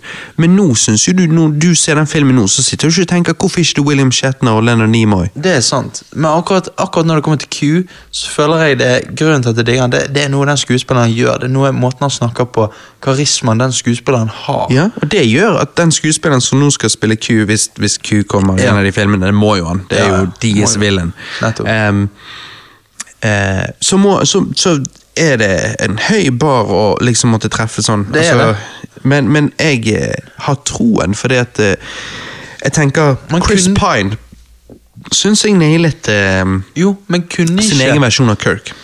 Absolutt, men kunne ikke eh, han som spiller Q i TNG, kom, kom tilbake? Ja, du er gammel. så- gammel. Ja, men det er sånn der ah, Q-ager han Han òg. Ja, men det gir jo ikke mening. Jo, men bare jævlig sakte. Sånn. Han, ager jævlig sakte. Men han har aget mye. Ja, nei, ok, ja. Nei. Nei, skal du recaste, så må du recaste alle sammen. Ja, okay. Det tenker jeg gir mening. Ja, okay. Men jeg har troen på at det skal gå fint. For som jeg sier, i 2009-filmen Jeg respekterer han som spiller Spock. Jeg digger Chris Pine. Jeg syns han som spiller McCoy, passer perfectly til McCoy. Ja. Så jeg har troen på at de klarer å recaste like bra her. For dette er ikke noe Altså dette er jo et stort studio. De skal putte masse penger. Én ting er hva de har gjort med TV-serien og sånn, men fuck TV-serien. Vi ser jo med Beyond hvor mye bedre enn eh, Star Trek Discovery. Sånn? Så jeg har troen på at det de gjør med filmene, er bedre, og det er mye, mye, mye mer penger i. Så jeg, jeg har troen på at de skal klare å gjøre riktig casting. Ja da, ja da. Jeg håper i hvert fall det. Jeg er spent på å se, Ja. i, i, i hvert fall. Jeg, jeg er med på den. Jeg, eh, jeg gleder meg. Mm. Shit. Nei, Det blir i hvert fall artig, for nå, har meg, nå har vi òg et forhold til TNG-karakterene. Ja. Så det er derfor det, det blir litt spennende å se. Ja, ja. Men, Og så vil det samtidig, filmen kommer ikke på kino før vi har på en måte glemt litt Next Generation. Ikke, hadde vi sett det nå, så hadde vi vært kanskje veldig kritisk til ja. Ja. men han skal være sånn og han skal være sånn. Det det. Men når det er blitt litt avstand, så blir det sikkert litt sånn faen, TNG fete Ja. karakterer. For det at Uansett om det er forskjellige skuespillere, så er karakterene skal jo være skrevet på samme måte. Karakterene de må jo embody det samme som karakterene gjør. Det, og det gjør jo de når de recastet disse her i 2009. Sant? Det er jo ikke som om Spock plutselig er en annen karakter i 2009-filmen. Nei, han er bare litt mer gay. Ja. og, og, men, men sant, McCoy er jo McCoy. Eh, ja, ja. Chris Pine er Kirk. Han er en det. ung og arrogant Kirk, Ja. men likevel. Det er det han er. Så. Eh, så, men sånn som vi nevner her, det er noen forandringer som skjer uansett. Og det Ja, kan ikke man unngå. Men, det, men de forandringene trenger ikke være negative. det er sant. De kan ende opp med å være det, men de kan også ende opp med å være en ny, kul twist på det. De er ikke automatisk dømt til å bli negativ. Absolutt ikke. Så jeg, jeg er all for it. Jeg, jeg gleder meg. Liksom, Lag det, og hvis jeg ikke liker det, så forholder jeg bare meg til TNG. da. Ja. Men jeg vil i hvert fall ha det, for det høres ut som en kul idé. Ja, for det at jeg bare tenker også at uh, Chris Pine og, og de, mange av de karakterene som spilte i de Star Trek-filmene der, har nå gått videre til, til andre ting, og vil nok ikke bare være stuck i de Star Trek-filmene. Så det å gi de videre til nye karakterer, da vil jeg se de gi det videre til TNG-karakterer, og ikke noen randoms, sånn Nei. som med Discovery og disse her. Ja. Jeg vil ikke bare at Paramount skal lage et nytt mannskap som ikke Jeg, jeg vil på en måte at Siden vi gikk fra TOS-karakteren i, i moderne TOS-karakterer, så vil jeg gå videre til moderne TNG-karakterer i så fall. ja. Enig. Men vi får se. Vi får se. Det blir i spennende. hvert fall spennende. Mm. Nei, men det var en gøy cast, Johannes. Det var veldig gøy. Jeg, eh, jeg gleder meg til neste cast. Det Ja. blir jo Halloween. Ja, Men jeg syk. gleder meg òg til neste Star Trek-hesten vi skal ta. Ja. Deep Space Nine blir spennende. Kanskje vi må kombinere Deep Space Nine, Voyager og Enterprise i én cast. Jeg tror vi må Men det ser vi. Jeg tror vi må det. Det blir awesome sass. Det blir awesome sas. Nei, men eh, jeg tenker at eh, akkurat som Star Trek The Next Generation, ja. akkurat som denne casten her, mm. så er det liksom det at all good things must come to an end. Nettopp. Så um, Det er det det må, dessverre. vi må dessverre avslutte her. Ja. Da det ikke annet å si enn at mitt navn er kaptein Robert. Mitt og jeg takker navn, for meg. og mitt navn er løytnant Johannes. Å ja, ikke Commander. Oh ja, jo jo. Trodde du var Riker, liksom. Ja, shit, vent. Nei, jeg mister hukommelsen. Commander Jeg skjønner Johannes. ingenting. Jeg er multiverse nå. Er du i frame of mind? Oh, shit, what? Ja, ok. Nei, det er Takk for meg. Commander Johannes. Mm. Og jeg takker for meg. Og så ses vi i en annen dimensjon, i en tidsloop, eh, med The Maximum Warp eller et eller annet Ja. sånt. da. Ja. Bitches!